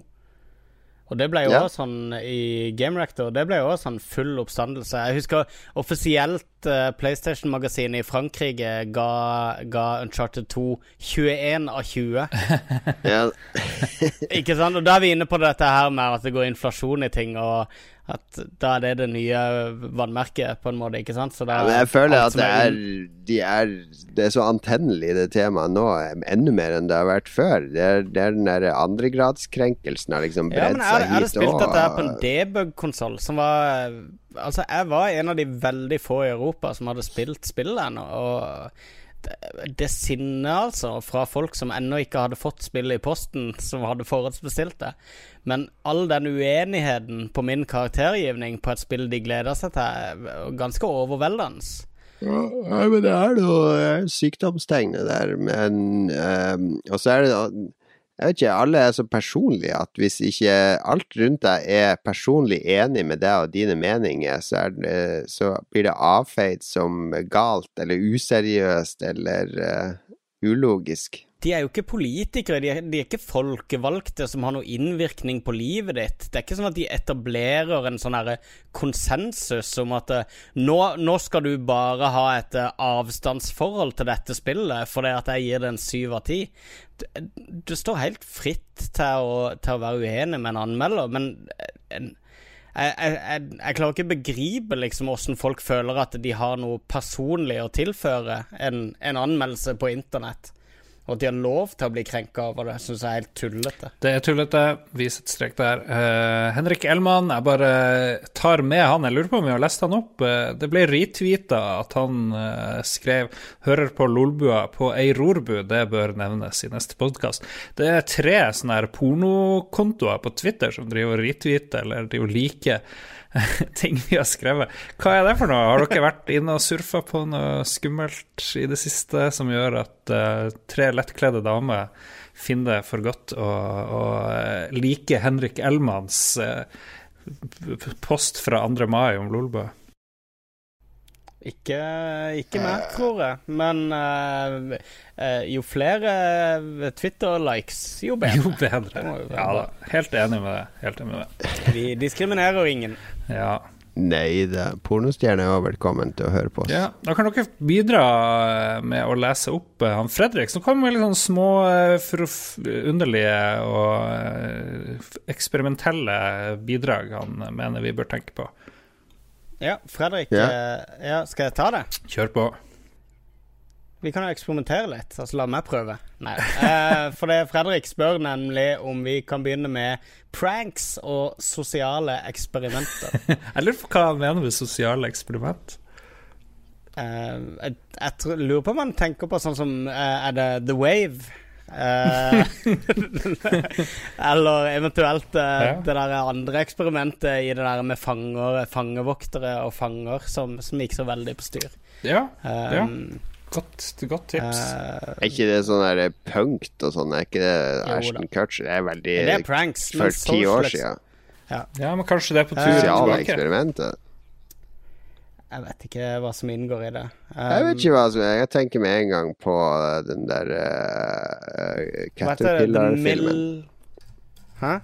Jeg tenker på den der Human Centipede so, som sosialt eksperiment. Men uh, Ah, er det kanskje en annen type eksperiment? det er veldig annen type eksperiment. Jeg, Ja. jeg tenker på det Milgram-eksperimentet. Det er jo et sosialt eksperiment. Uh, Vi kan gjøre det. Vi kan jo prøve hvis jeg og Lars blir enige om at vi fryser ut Magnus, da. Og, ja. Ja, da, hvis vi blir enige om det før en sending, da, at vi bare uh, ignorerer det han sier og sånn, så blir det jo et sosialt eksperiment. Det Det er jo litt sånn Ja. ond, ondsinna. Fins Det noen sosiale eksperiment som er godsinna?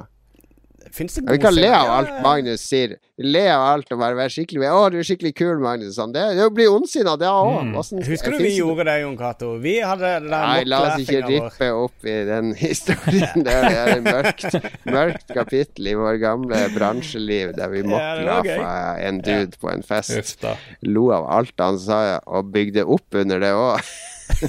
Så han skulle si det enda mer. Det var flaut. Men han fikk aldri vite at vi ikke egentlig syntes han var morsom, og vi fortalte ikke ikke folk at vi ikke syntes han var morsom. Nei, den dag i dag Lars har ikke peiling på at vi gjorde det mot ham, så, så han lever i uvitenhet. Jeg, var, jeg husker den festen jeg var jævlig morsom. Husker jeg. Det er ikke det verste du kan gjøre, å, å plukke en som er veldig usjarmerende, så bare bygge han opp uh, gjennom hele festen.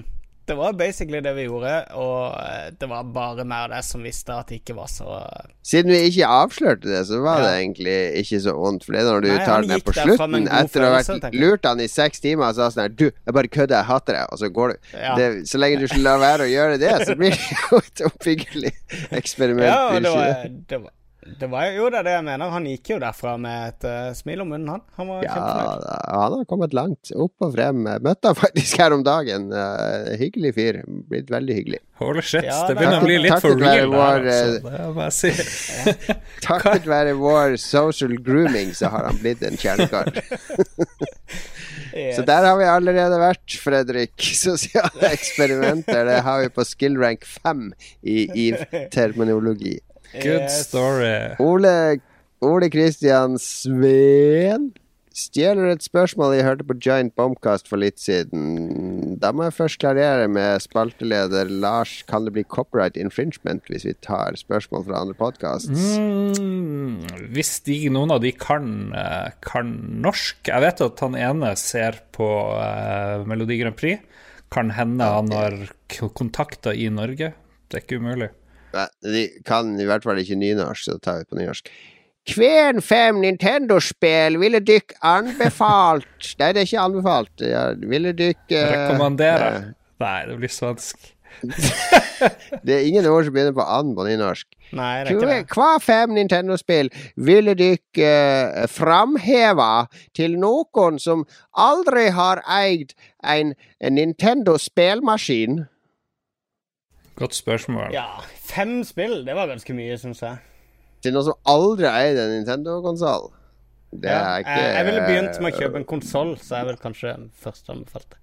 Um, Men det her går ut på at det er hvordan som helst konsoll. Det kan være Jeg vil anbefale Pokémon Pinball til Gameboy Advance, f.eks. Mm. Kanskje mitt all time Ja, favoritt-Nintendo-spill. Super Mario World kan du spille. Det er, eh, blir ikke mer klassisk enn det. Mm.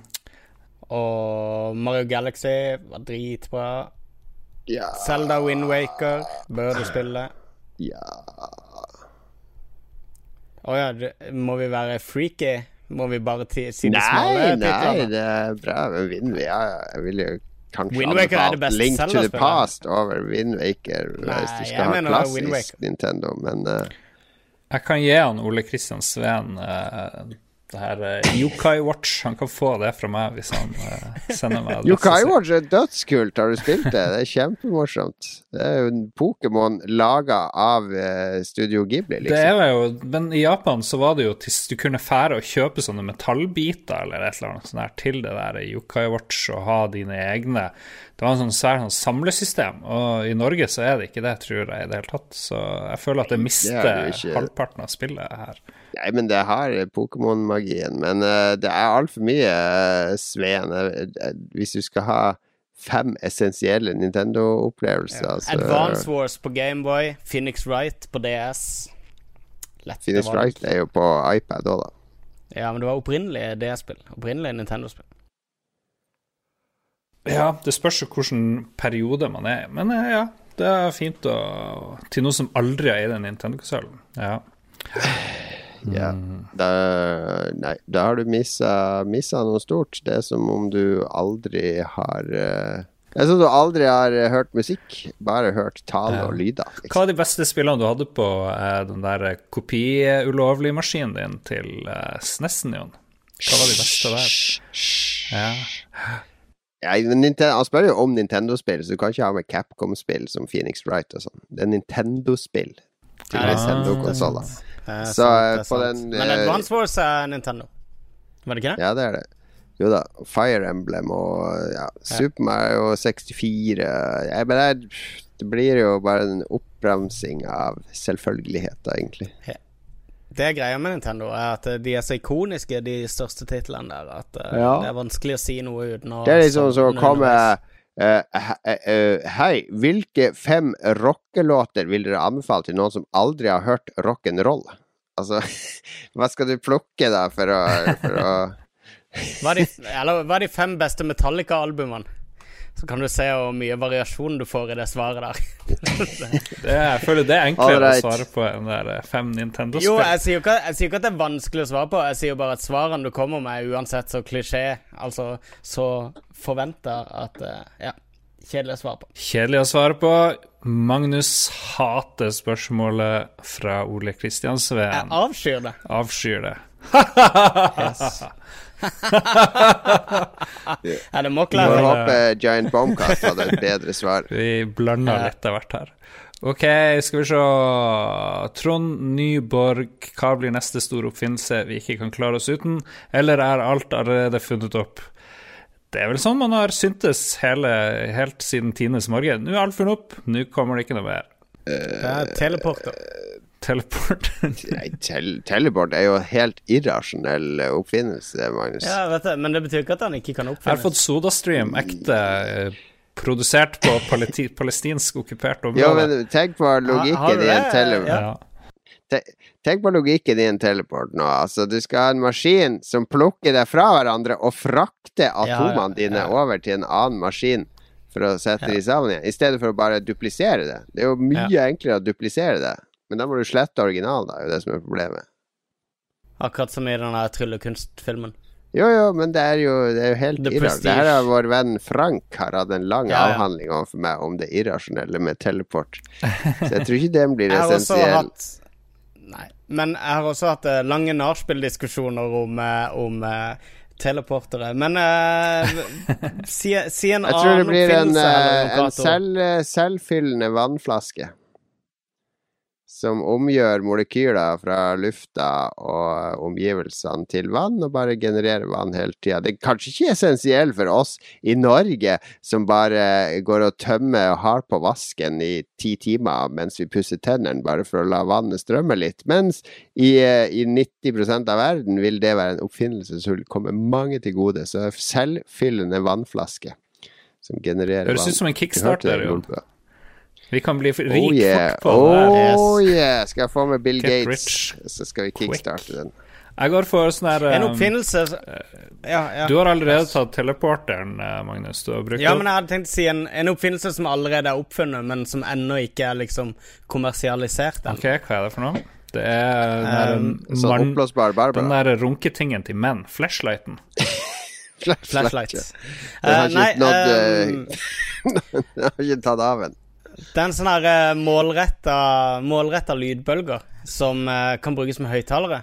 Hvor eh, de kan sende en lydbølge eh, type sånn 30 meter, og ingen kan du sende rett på én person, så vil han, kun han høre den lyden, og de rundt vil ikke høre. Det finnes to patenter, eller det, for ti år siden eller så var det to patenter på det. Et som ble, hvor det ble brukt til våpen, eh, som nå blir brukt på demonstranter og sånne ting. Det har blitt vist frem, da. Der de kjører sånn superhøyfrekvente lyder og høye lyder gjennom jungelen, f.eks., for, eksempel, for å bare tømme jungelen for eh, terrorister i Asia og sånn. Tømme jungelen for terrorister. Jeg Ja, ja, garanterer deg at det- er ikke det de gjør. Jo, jo, men det, det, var det, de, det var det de skulle teste den ut for, da. Det, det ble Det eh, begynner å nærme seg Monkey News med Ricky Gervais. Ja, ja, ja. Nei, men dette her er helt ekte. De hadde en sånn her eh, fremvisning for eh, journalister. Terrorist. Ja, ja, Kan du trykke på knappen, da? Nå er det så mye terrorister i jungelen. Kan du trykke på den knappen, og så bare Og så springer de. Nei, nei, nei. nei. Altså, eh, dere kjenner til geriljakrigere i jungelen, folkens. Det er vel ikke nytt for deg. Ja. Jeg har hørt rykter. ja. Men den andre bruken, da, som jeg tror er kul eh, kommersielt, er at eh, det er snakk om å lage høyttalere basert på den teknologien. Så du f.eks. kan sitte i en bil, og så har du høyttalere eh, som spiller lyd for kidsene i baksetet, uten at noen andre hører det. Dere hang der opp i den der greia med du, Skal jeg sende deg link på, eh, på hele det der eksperimentet? Kan du tømme jeg... bilen for terrorister? Jøye meg. Nå er det for seint for deg, Jon Cato. Men det blir Her er den essensielle oppfinnelsen vi ikke klarer oss uten. Nei. Og, og Altså, jeg, jeg tror det det. kommer til å bli en dritstor ting. Nemlig med sånn spesialretta lyder, da, som sendes uh, Og det, det, det er bare Vet du hva som skal til for at det tar av? At noen lager en sånn fart-app til den, så du kan spesialsende en fart 30 meter fram til én person. Du vet det var fart-appene som fikk fart i iPhone Ja, ja, og smarttelefon. Ja. oi, Altså, det var ikke det- jeg å le av oppfinnelsen din, Magnus, men uh... Det var sånn han drev og testa han, han som oppfant den ene, var at han satt og lagde lyder av ting som knuste, som han satt og skjøt ned på en kelner på andre sida av gata. Som konstant snudde seg og trodde han hadde mista ting i bakken. Så det var ikke så langt unna, egentlig, den fart-appen din. Ja. Så kanskje den som kommer targeted, targeted sound waves, er det det det kalles? Hm? Targeted Soundwaves eller noe sånt. Ja, ja men det, det kan Ja, ja. det Jeg, jeg tror det kan bli en dritstor ting, men uh, ja. Ja. Det er kult Men- på festivaler og sånn, Fordi da kan liksom. Øyafestivalen kan holde musikken inne på festivalområdet. Så med en gang du går over gjerdet, så bare- Jeg hører ingenting. Så helt stille. Ja. Og du kan, sitte, du kan sitte på toget med Du kan sitte med PC-en din og spille med full surround-lyd hvis du vil. Eller i hvert fall full stereo. Ha lyden på på fullt når du ser på film, og ingen rundt deg blir forstyrra. Jeg tror Mm. Ja. det blir en helt ny måte å bruke underholdning på. Det. Og hvis du tror det er terrorister på toget, så bare trykker du på knappen, så tømmer du toget. Hva med terrorister i eh, jungelen? Ja, men det var mot guerrilla warfare spesielt, da. Skjønner, du ikke, skjønner du ikke bruken der? Skjø- jeg- Ok. Det er Vi greit at det er etter sengetid, altså, men Vi eh, skal til vår gode venn Vegard Mudenja. Skal det bli siste Hvem- spørsmål i dag, kanskje? Ja, vi får Men Lars, du eh, kom aldri med noen oppfinnelse. Nei, men jeg klarer ikke å overgå uh, Nei. Ja. Det, jeg fikk sånne utrolig morsomme bilder i hodet mitt, bare. Det var Vegard Mudenia lurer på hvem leder Slankekonken? Ja. Spennende. Han har to spørsmål. Det er første. Ok, jeg, har, jeg begynte på 104 kilo, og nå er jeg på 89 kilo. Og det har jeg Nice. basically vært siden påske, fordi nå øh, Nå er jeg ikke så rigid på den spisinga. Jeg spiser ikke så mye til frokost og lunsj, men jeg spiser ganske mye til middag. Eh, men jeg er ikke så streng som jeg var før påske, og jeg har liksom ligget helt stabil på 88-89 siden påsken. Ikke gått opp, ikke gått noe særlig ned, og føler meg egentlig ganske komfortabel. Det jeg har lyst til nå, er å gjøre om litt flesk til muskelmasse. Og trene litt mer muskler. ja. Og så ser du Så- ut som Og da går du opp i vekt Du ser jo ut som Pablo Escobar nå i tillegg, så jeg føler at det er en fin vekt å være på. Jeg Sånn har slank eh, Pablo. kokainsmuglerbarten. uh, men uh, nei, jeg, ja, så, så jeg har gått ned sånn 14-15 kilo. Uh, og det er, eh, det er greit. Jeg tror ikke Jeg tror det blir for slitsomt for meg om jeg skal ned på sånn 80 kilo. Eh, selv om idealvekta mi sikkert ligger på 84 eller der omkring. Jeg drev og prøvde en sånn her online BMI-greie for å bli sånn her ikke overvektig, og da må jeg ned på 82 noe kilo. Det er jo faen meg Jeg har jo klart å gå nesten i 10 kilo sjøl. Ligger på 91. Var 100 i jula. 100,4 i jula. Og faktisk gå ned etter at jeg drev og knuste den foten. Fordi jeg har ikke kommet på butikken, jeg kan ikke kjøpe noe drit. Jeg har bare spist sånne sunne ting. Så det hjelper Og jævlig mye. forbrenner du mer kalorier når du beveger deg, selv om du beveger deg mindre òg. Ja, og så, så har jeg fått bedre rygg fordi jeg har gått masse på krykke, og det er tydeligvis dritbra for ryggen, tror jeg.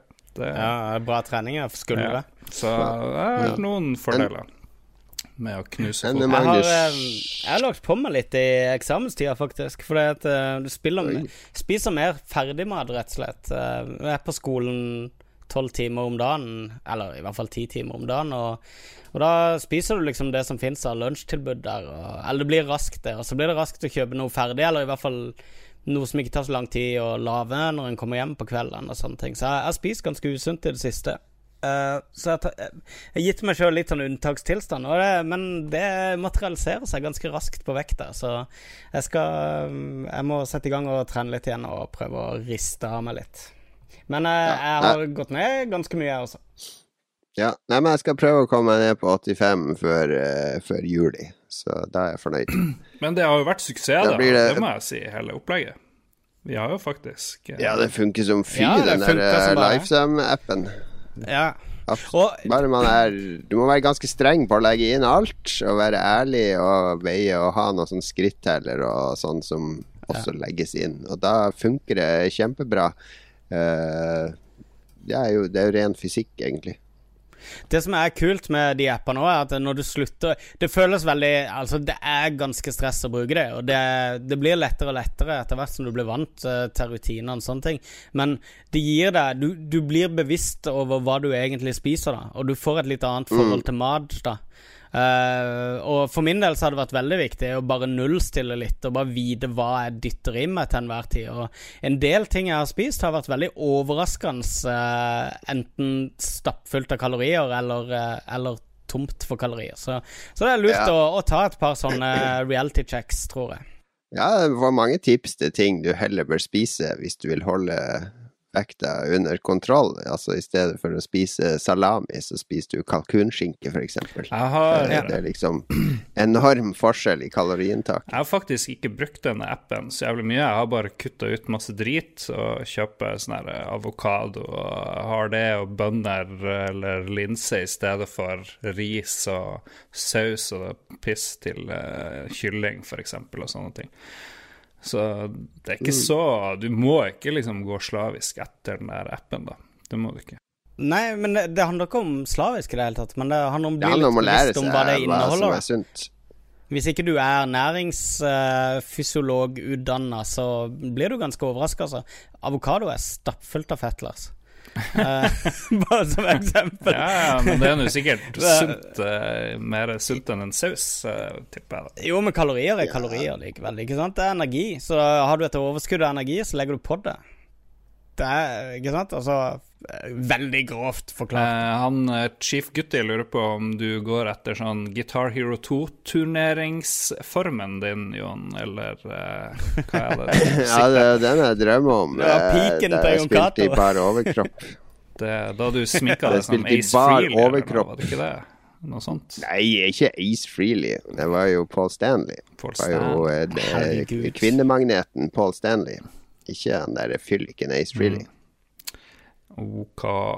Yes, Anmudenja hadde et spørsmål til, men det tar vi neste gang. For nå er det veldig seint, og vi er mange som skal opp i morgen på si jobb VM.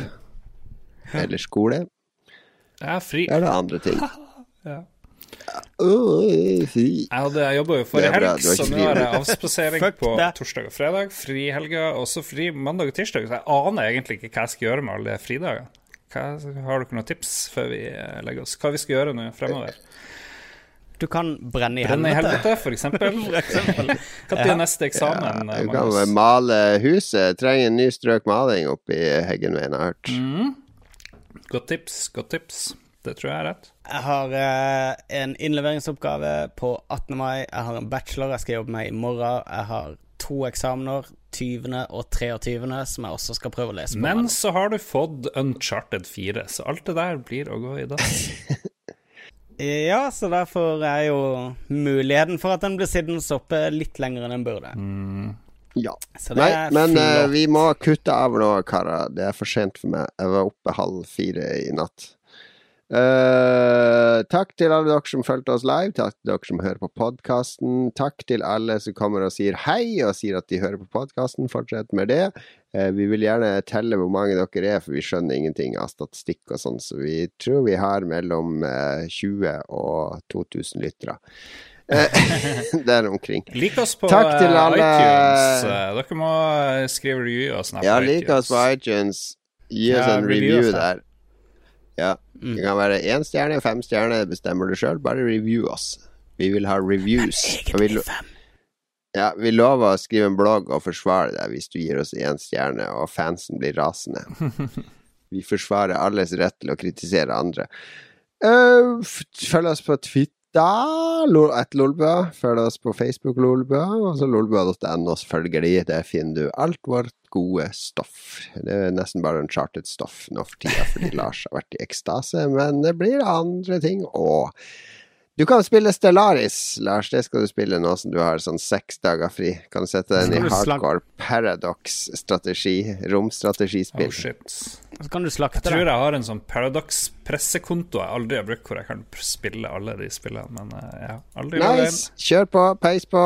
Stellaris. Det er din Ja. lekse til neste gang. Magnus, din lekse til neste gang er at du skal lage Jeg skal gjøre lekser til neste gang. Nei, du skal lage rosa te. Det finnes jo te i mange farger. Du skal finne opp noe som heter rosa te. Eh, Det skal du smake på. Kanskje er det ingefær i, kanskje noe sånn. eh, Her, her ser du hjernen din allerede var bare Hmm, interesting! This is a challenge for me, the gourmet chef. Så her, du skal lage rosa te til neste gang. Lars skal spille Stellaris. Jon Cato, jeg skal eh, lese Gi meg en oppgave, da. Um, du må kjøpe JoJo. Du skal se alle. Marvel-filmene du ikke har sett ennå. Du må kjøpe deg en jojo og -jo. lære deg triks før neste sending. Ok, det skal jeg gjøre. Det Jeg er jo fått overbevist om at Jon Cato si. Jon Cato aspirerer til å bli den nye Tim Schæfer, som jeg har påpekt mange ganger. Så uh, jojoen er bare nok et steg eh, nærmere Tim Schæfer. Ja, men jeg har Snart så blir det Rubiks kube, Jon. Jeg har gått ned i vekt, ikke opp i vekt. Uh, men uh, Det har han også. Han har skrevet masse på bloggen driver- om slanking. OK, OK. Jojo skal bli Jojo skal bli all right. Vi har fått hjemmeleksen Yes. våre. Vi høres igjen neste uke i episode 115, som forresten er bilnummeret til fetter Anton. Takk for i dag. Ha det bra. Ha det!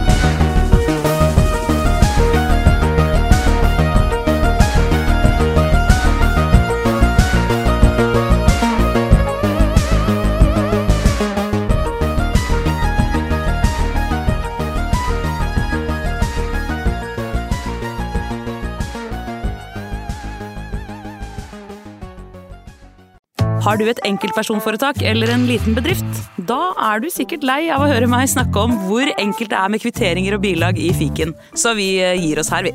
Fordi vi liker enkelt. Fiken superenkelt regnskap.